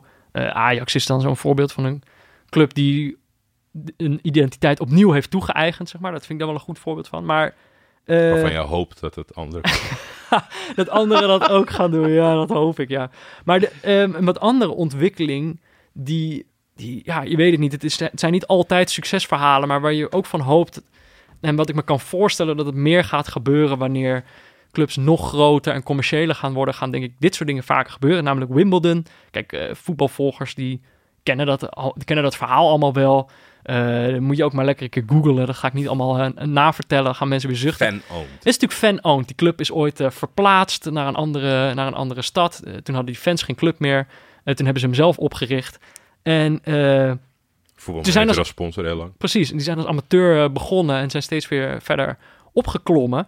Eh, totdat ze uiteindelijk ook in de League One stonden. Eh, eh, maar daar ging het eigenlijk helemaal mis. Ze hebben dit- eigenlijk dit hele seizoen stijf onderaan gestaan. Zelfs de League One, daar zit ook al groot geld. Zeg maar, ja, natuurlijk niet het grote geld, maar gewoon een beetje, weet je wel, het ADO Den Haag grote geld. Waar dan op een gegeven moment ook een geldschieter zit. Ehm, dat zit daar ook gewoon in die competitie vol. En dan, dan is het als fan-owned club natuurlijk ook lastig om dat bij te kunnen benen. En dat was eigenlijk gewoon... Het leek alsof ze ten dode opgeschreven waren. Stijf, stijf onderaan. Maar ze hadden een verhaal om aan vast te houden. Jordi. Die, nou ja, maar het is echt, je hebt, je hebt van die dingen, je hebt van, zeg maar, die spelers, die hebben daadwerkelijk iets te danken aan dat publiek. Snap je? Mensen die Ja, in het stadion zitten. betalen hun... Precies. Werken voor je geld. Dus je hebt van die filmpjes ook, dat die gasten als ze een winnende goal maken, dat ze dan eh, eh, het, het, eh, het publiek inrennen en iemands hoed afpakken en die dan opzetten en zo. Dus ze vieren het echt allemaal samen. Nou ja, het verhaal is, Wimbledon heeft het gered. Eh, als je het exacte verhaal wil weten, moet je dat gewoon allemaal maar even checken. Maar die, die zijn er gewoon bovenop gekomen en ze zijn veilig. En volgens mij ze zijn gelijk gekomen met de ploeg die net onder de degradatiestreep staat. Maar dus op doelsaldo. Allerkleinste verschil. En dat verschil, Jordi, Is het is het verhaal. Eh, verder nog wat stoms. Nou jouw prachtige eh, verhaal over Wimbledon. dat is een, een profclub die niet meer is. Als Ja. ze, ja, niet, niet, niet meer is, maar ze zijn geen prof meer. En Nee. daar zijn ze al, ik geloof, een aantal jaren tegenaan aan het hikken. Notts County, de oudste profclub ter wereld. Ja, Opgericht in 1862, nog Heel voor oud. de league bestond. Eh, is eruit gevlogen. Ze hadden Ja. nog een wonder eh, kunnen... eh, had ze nog kunnen redden, maar dat, Ja. dat zat er niet in. En nu, na zoveel jaren, en ook echt heel vaak oplichting en fraude. En zij zijn echt de dupe geweest van heel slecht bereid, keer op beleid, keer op keer. ja.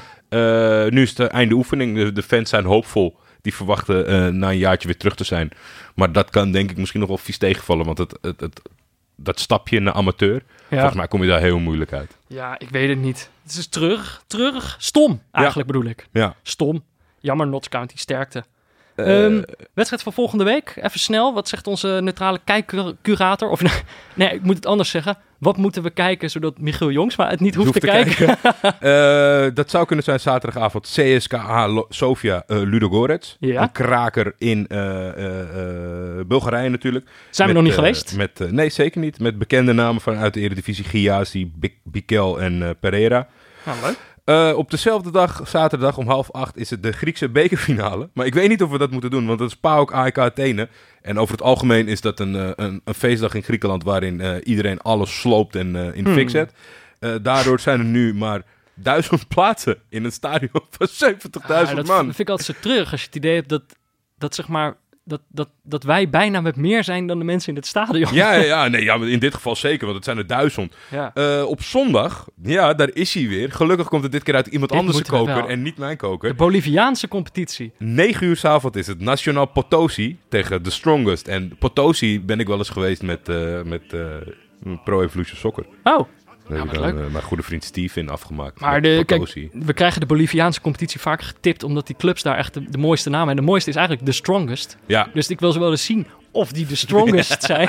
Maar ehm, nee, ja, lijkt me leuk. Ik vond eigenlijk ook zondagavond 9 uur. Je hebt het hele weekend al allemaal dingen gezien. En dan even afsluiten met, met iets heel mafs. Ja. Dat zou dit wel kunnen zijn.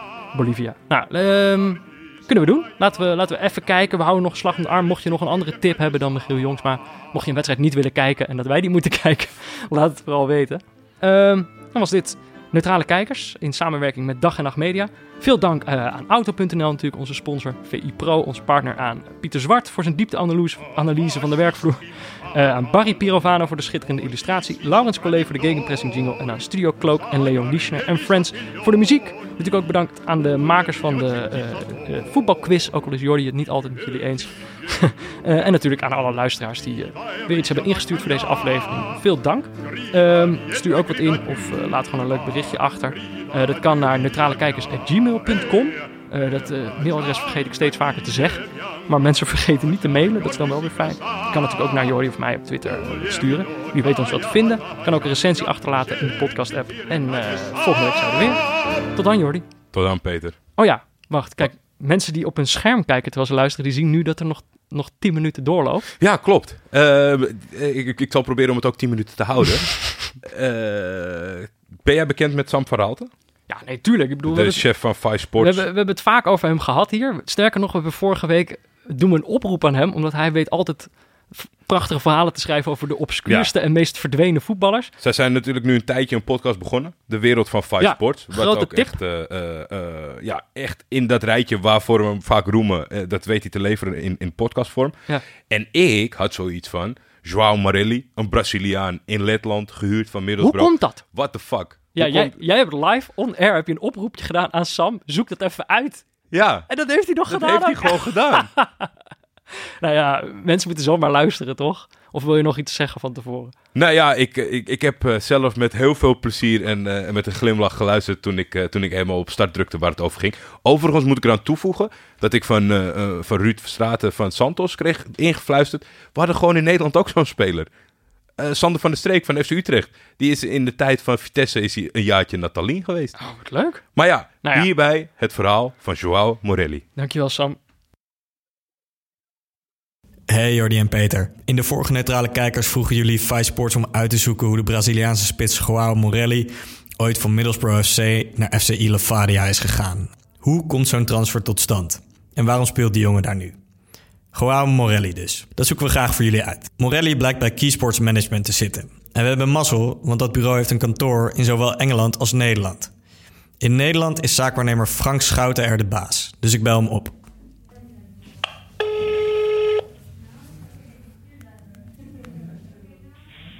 Frank Schouten. Is busy at the moment. Please leave a message after the tone. Geen gehoor dus bij Frank Schouten.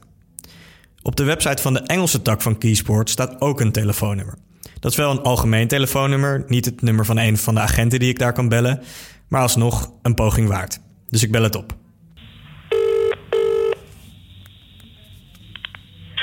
Good afternoon, Keysports Management. Alicia speaking.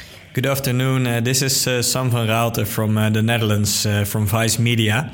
Um, Oh, hi there. Hi.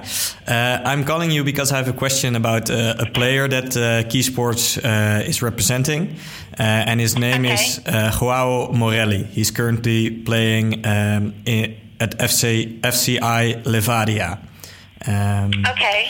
and uh, he's doing very well there. And um, just for a research article, I was wondering uh, how he ever transferred from Middlesbrough to FC, uh, FCI Levadia in the first place uh, in 2017. So, um, do you know this? Um, well, would- what I'd have to do is I'd have to send it to the agent who actually represents him, and Yeah. they're not based in the office. So, would you be able to send that to me on an email, and I can pass it on to the necessary parties and ask them to get in contact with you? Uh, yeah, sure, sure. Um, Perfect. Um, if you take my email address, yeah. What's your email uh, address? it's Ali- it's Alicia E L I S H A. E E-L-I-S. Elisa klinkt super aardig. Dus ik stuur haar een mail, zoals ze vroeg, waarin ik uitleg wat neutrale kijkers is en waarom ik wil weten hoe Morelli in Estland is beland. Die opmerkelijke, maar perfecte transfer, zeg ik. Maar ik weet ook, zo'n mailtje belandt meestal op een hoop en dan hoor je er helemaal niks meer van. Dus ik zoek verder. Gelukkig heeft Joao Morelli ook een Instagram-account. En dan blijken we even flink mazzel te hebben. Heel soms zijn mensen te vrijgevig met hun gegevens als ze een Instagram-account aanmaken. En vullen ze ook hun telefoonnummer in. Ik probeer heel vaak sporters uit uithoeken van de wereld te bereiken. En hier hoop ik altijd op. Dit is namelijk de allermakkelijkste manier om iemand via social media te bereiken. Eh, in de paar jaar die ik nu bij Five Sports werk, is dit me nog maar een paar keer overkomen. Maar je raadt het al, Morelli is zo iemand. Die kan je gewoon bellen via zijn Instagram-profiel. Dus ik bel hem op.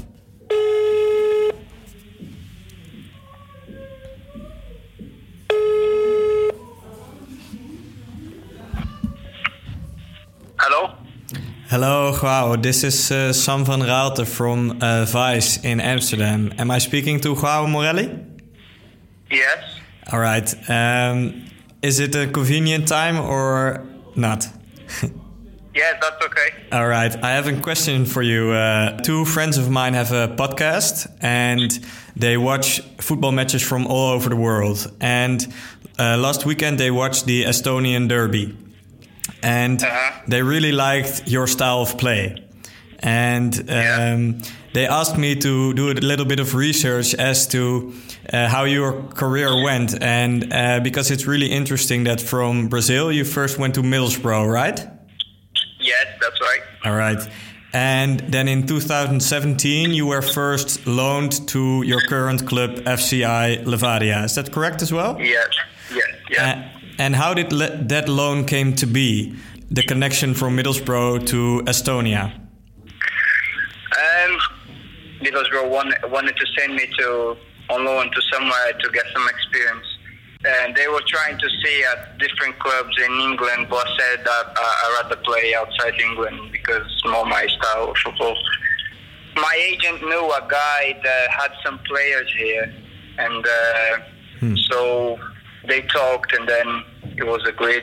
So, uh, like, I didn't know anything about Estonia, so I just just said I just want to play. Ah, so you were looking uh, especially for a place outside of England because you were already seeing that this was not your style of play. Yes, yes. Ah, interesting. But uh, so you had a very good uh, first uh, year uh, at FCI Levadia, and then you went to Fleetwood for a little bit. Yes, I, I did. Yeah. Was uh, the director of football back then was that Greta Steinsson at Fleetwood? Yeah. At first, um, they said that Fleetwood one of one of the teams that tried to play more like uh, my style of game, like playing uh, playing out and and stuff like that. Yeah.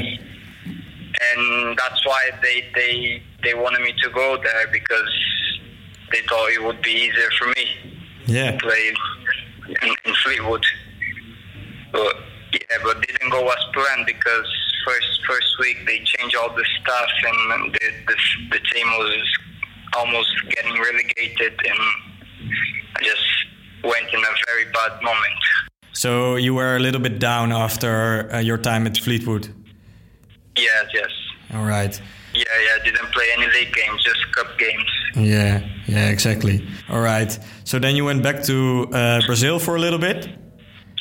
Yes, I did. Yeah, and I played in my my hometown club. I was just trying to get my my shit back together because it was a hard time I had in Fleetwood. So I hmm. just wanted to stay with my family and just be with them, and then I had this opportunity to play there. It's like actually a good football in Brazil. This this cup's like a very good level as well, and more my style. So I just decided to stay there. Yeah. And then you went back to Estonia. Yes, yes. How do you feel now at uh, at your current club? I feel very good now. Actually, comparing to to the last year I played here, the, the they they grew a lot.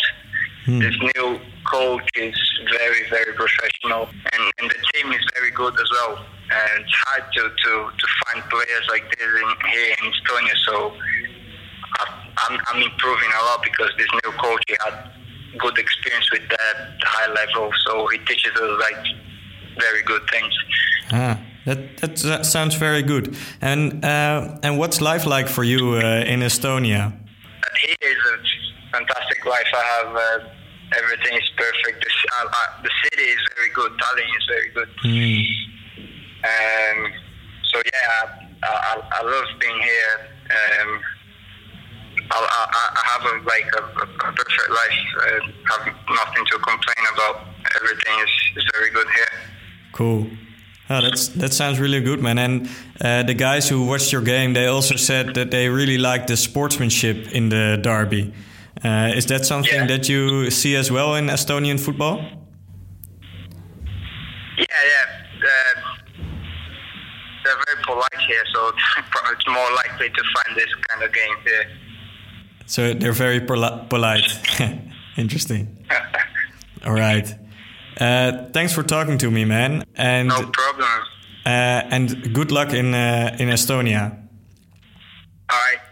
Thank you very much. All right, man. Have a nice day. Thank you. Thanks, you too. Bye. Kort samengevat, Morelli wilde in 2017 weg uit Engeland, omdat de speelstijl hem niet lag. Zijn agent van Keysports had toevallig een contact bij FCI Levadia en zo kwam hij daar in 2017 terecht. Daarna volgde nog een poging in Engeland, bij Fleetwood Town, waar Greta Steinsson toen technisch directeur was. Maar zoals hij al zei, de speelstijl werd veranderd, dus dat werd niks. Morelli ging terug naar zijn oude clubje in Brazilië, vijzelde daar even zijn, eh, zijn gemoedstoestand op en heeft het nu weer goed naar zijn zin bij FCI La- Lavadia. En hij bevestigt, Esten zijn erg beleefd en daarom gedijt hij daar goed. Eh Jordi en Peter, ik hoop dat jullie een antwoord hebben gekregen op jullie vraag. Eh, als jullie vaker zo'n vraag of een, eh, een mysterie hebben dat opgelost moet worden, dan weten jullie ons te vinden.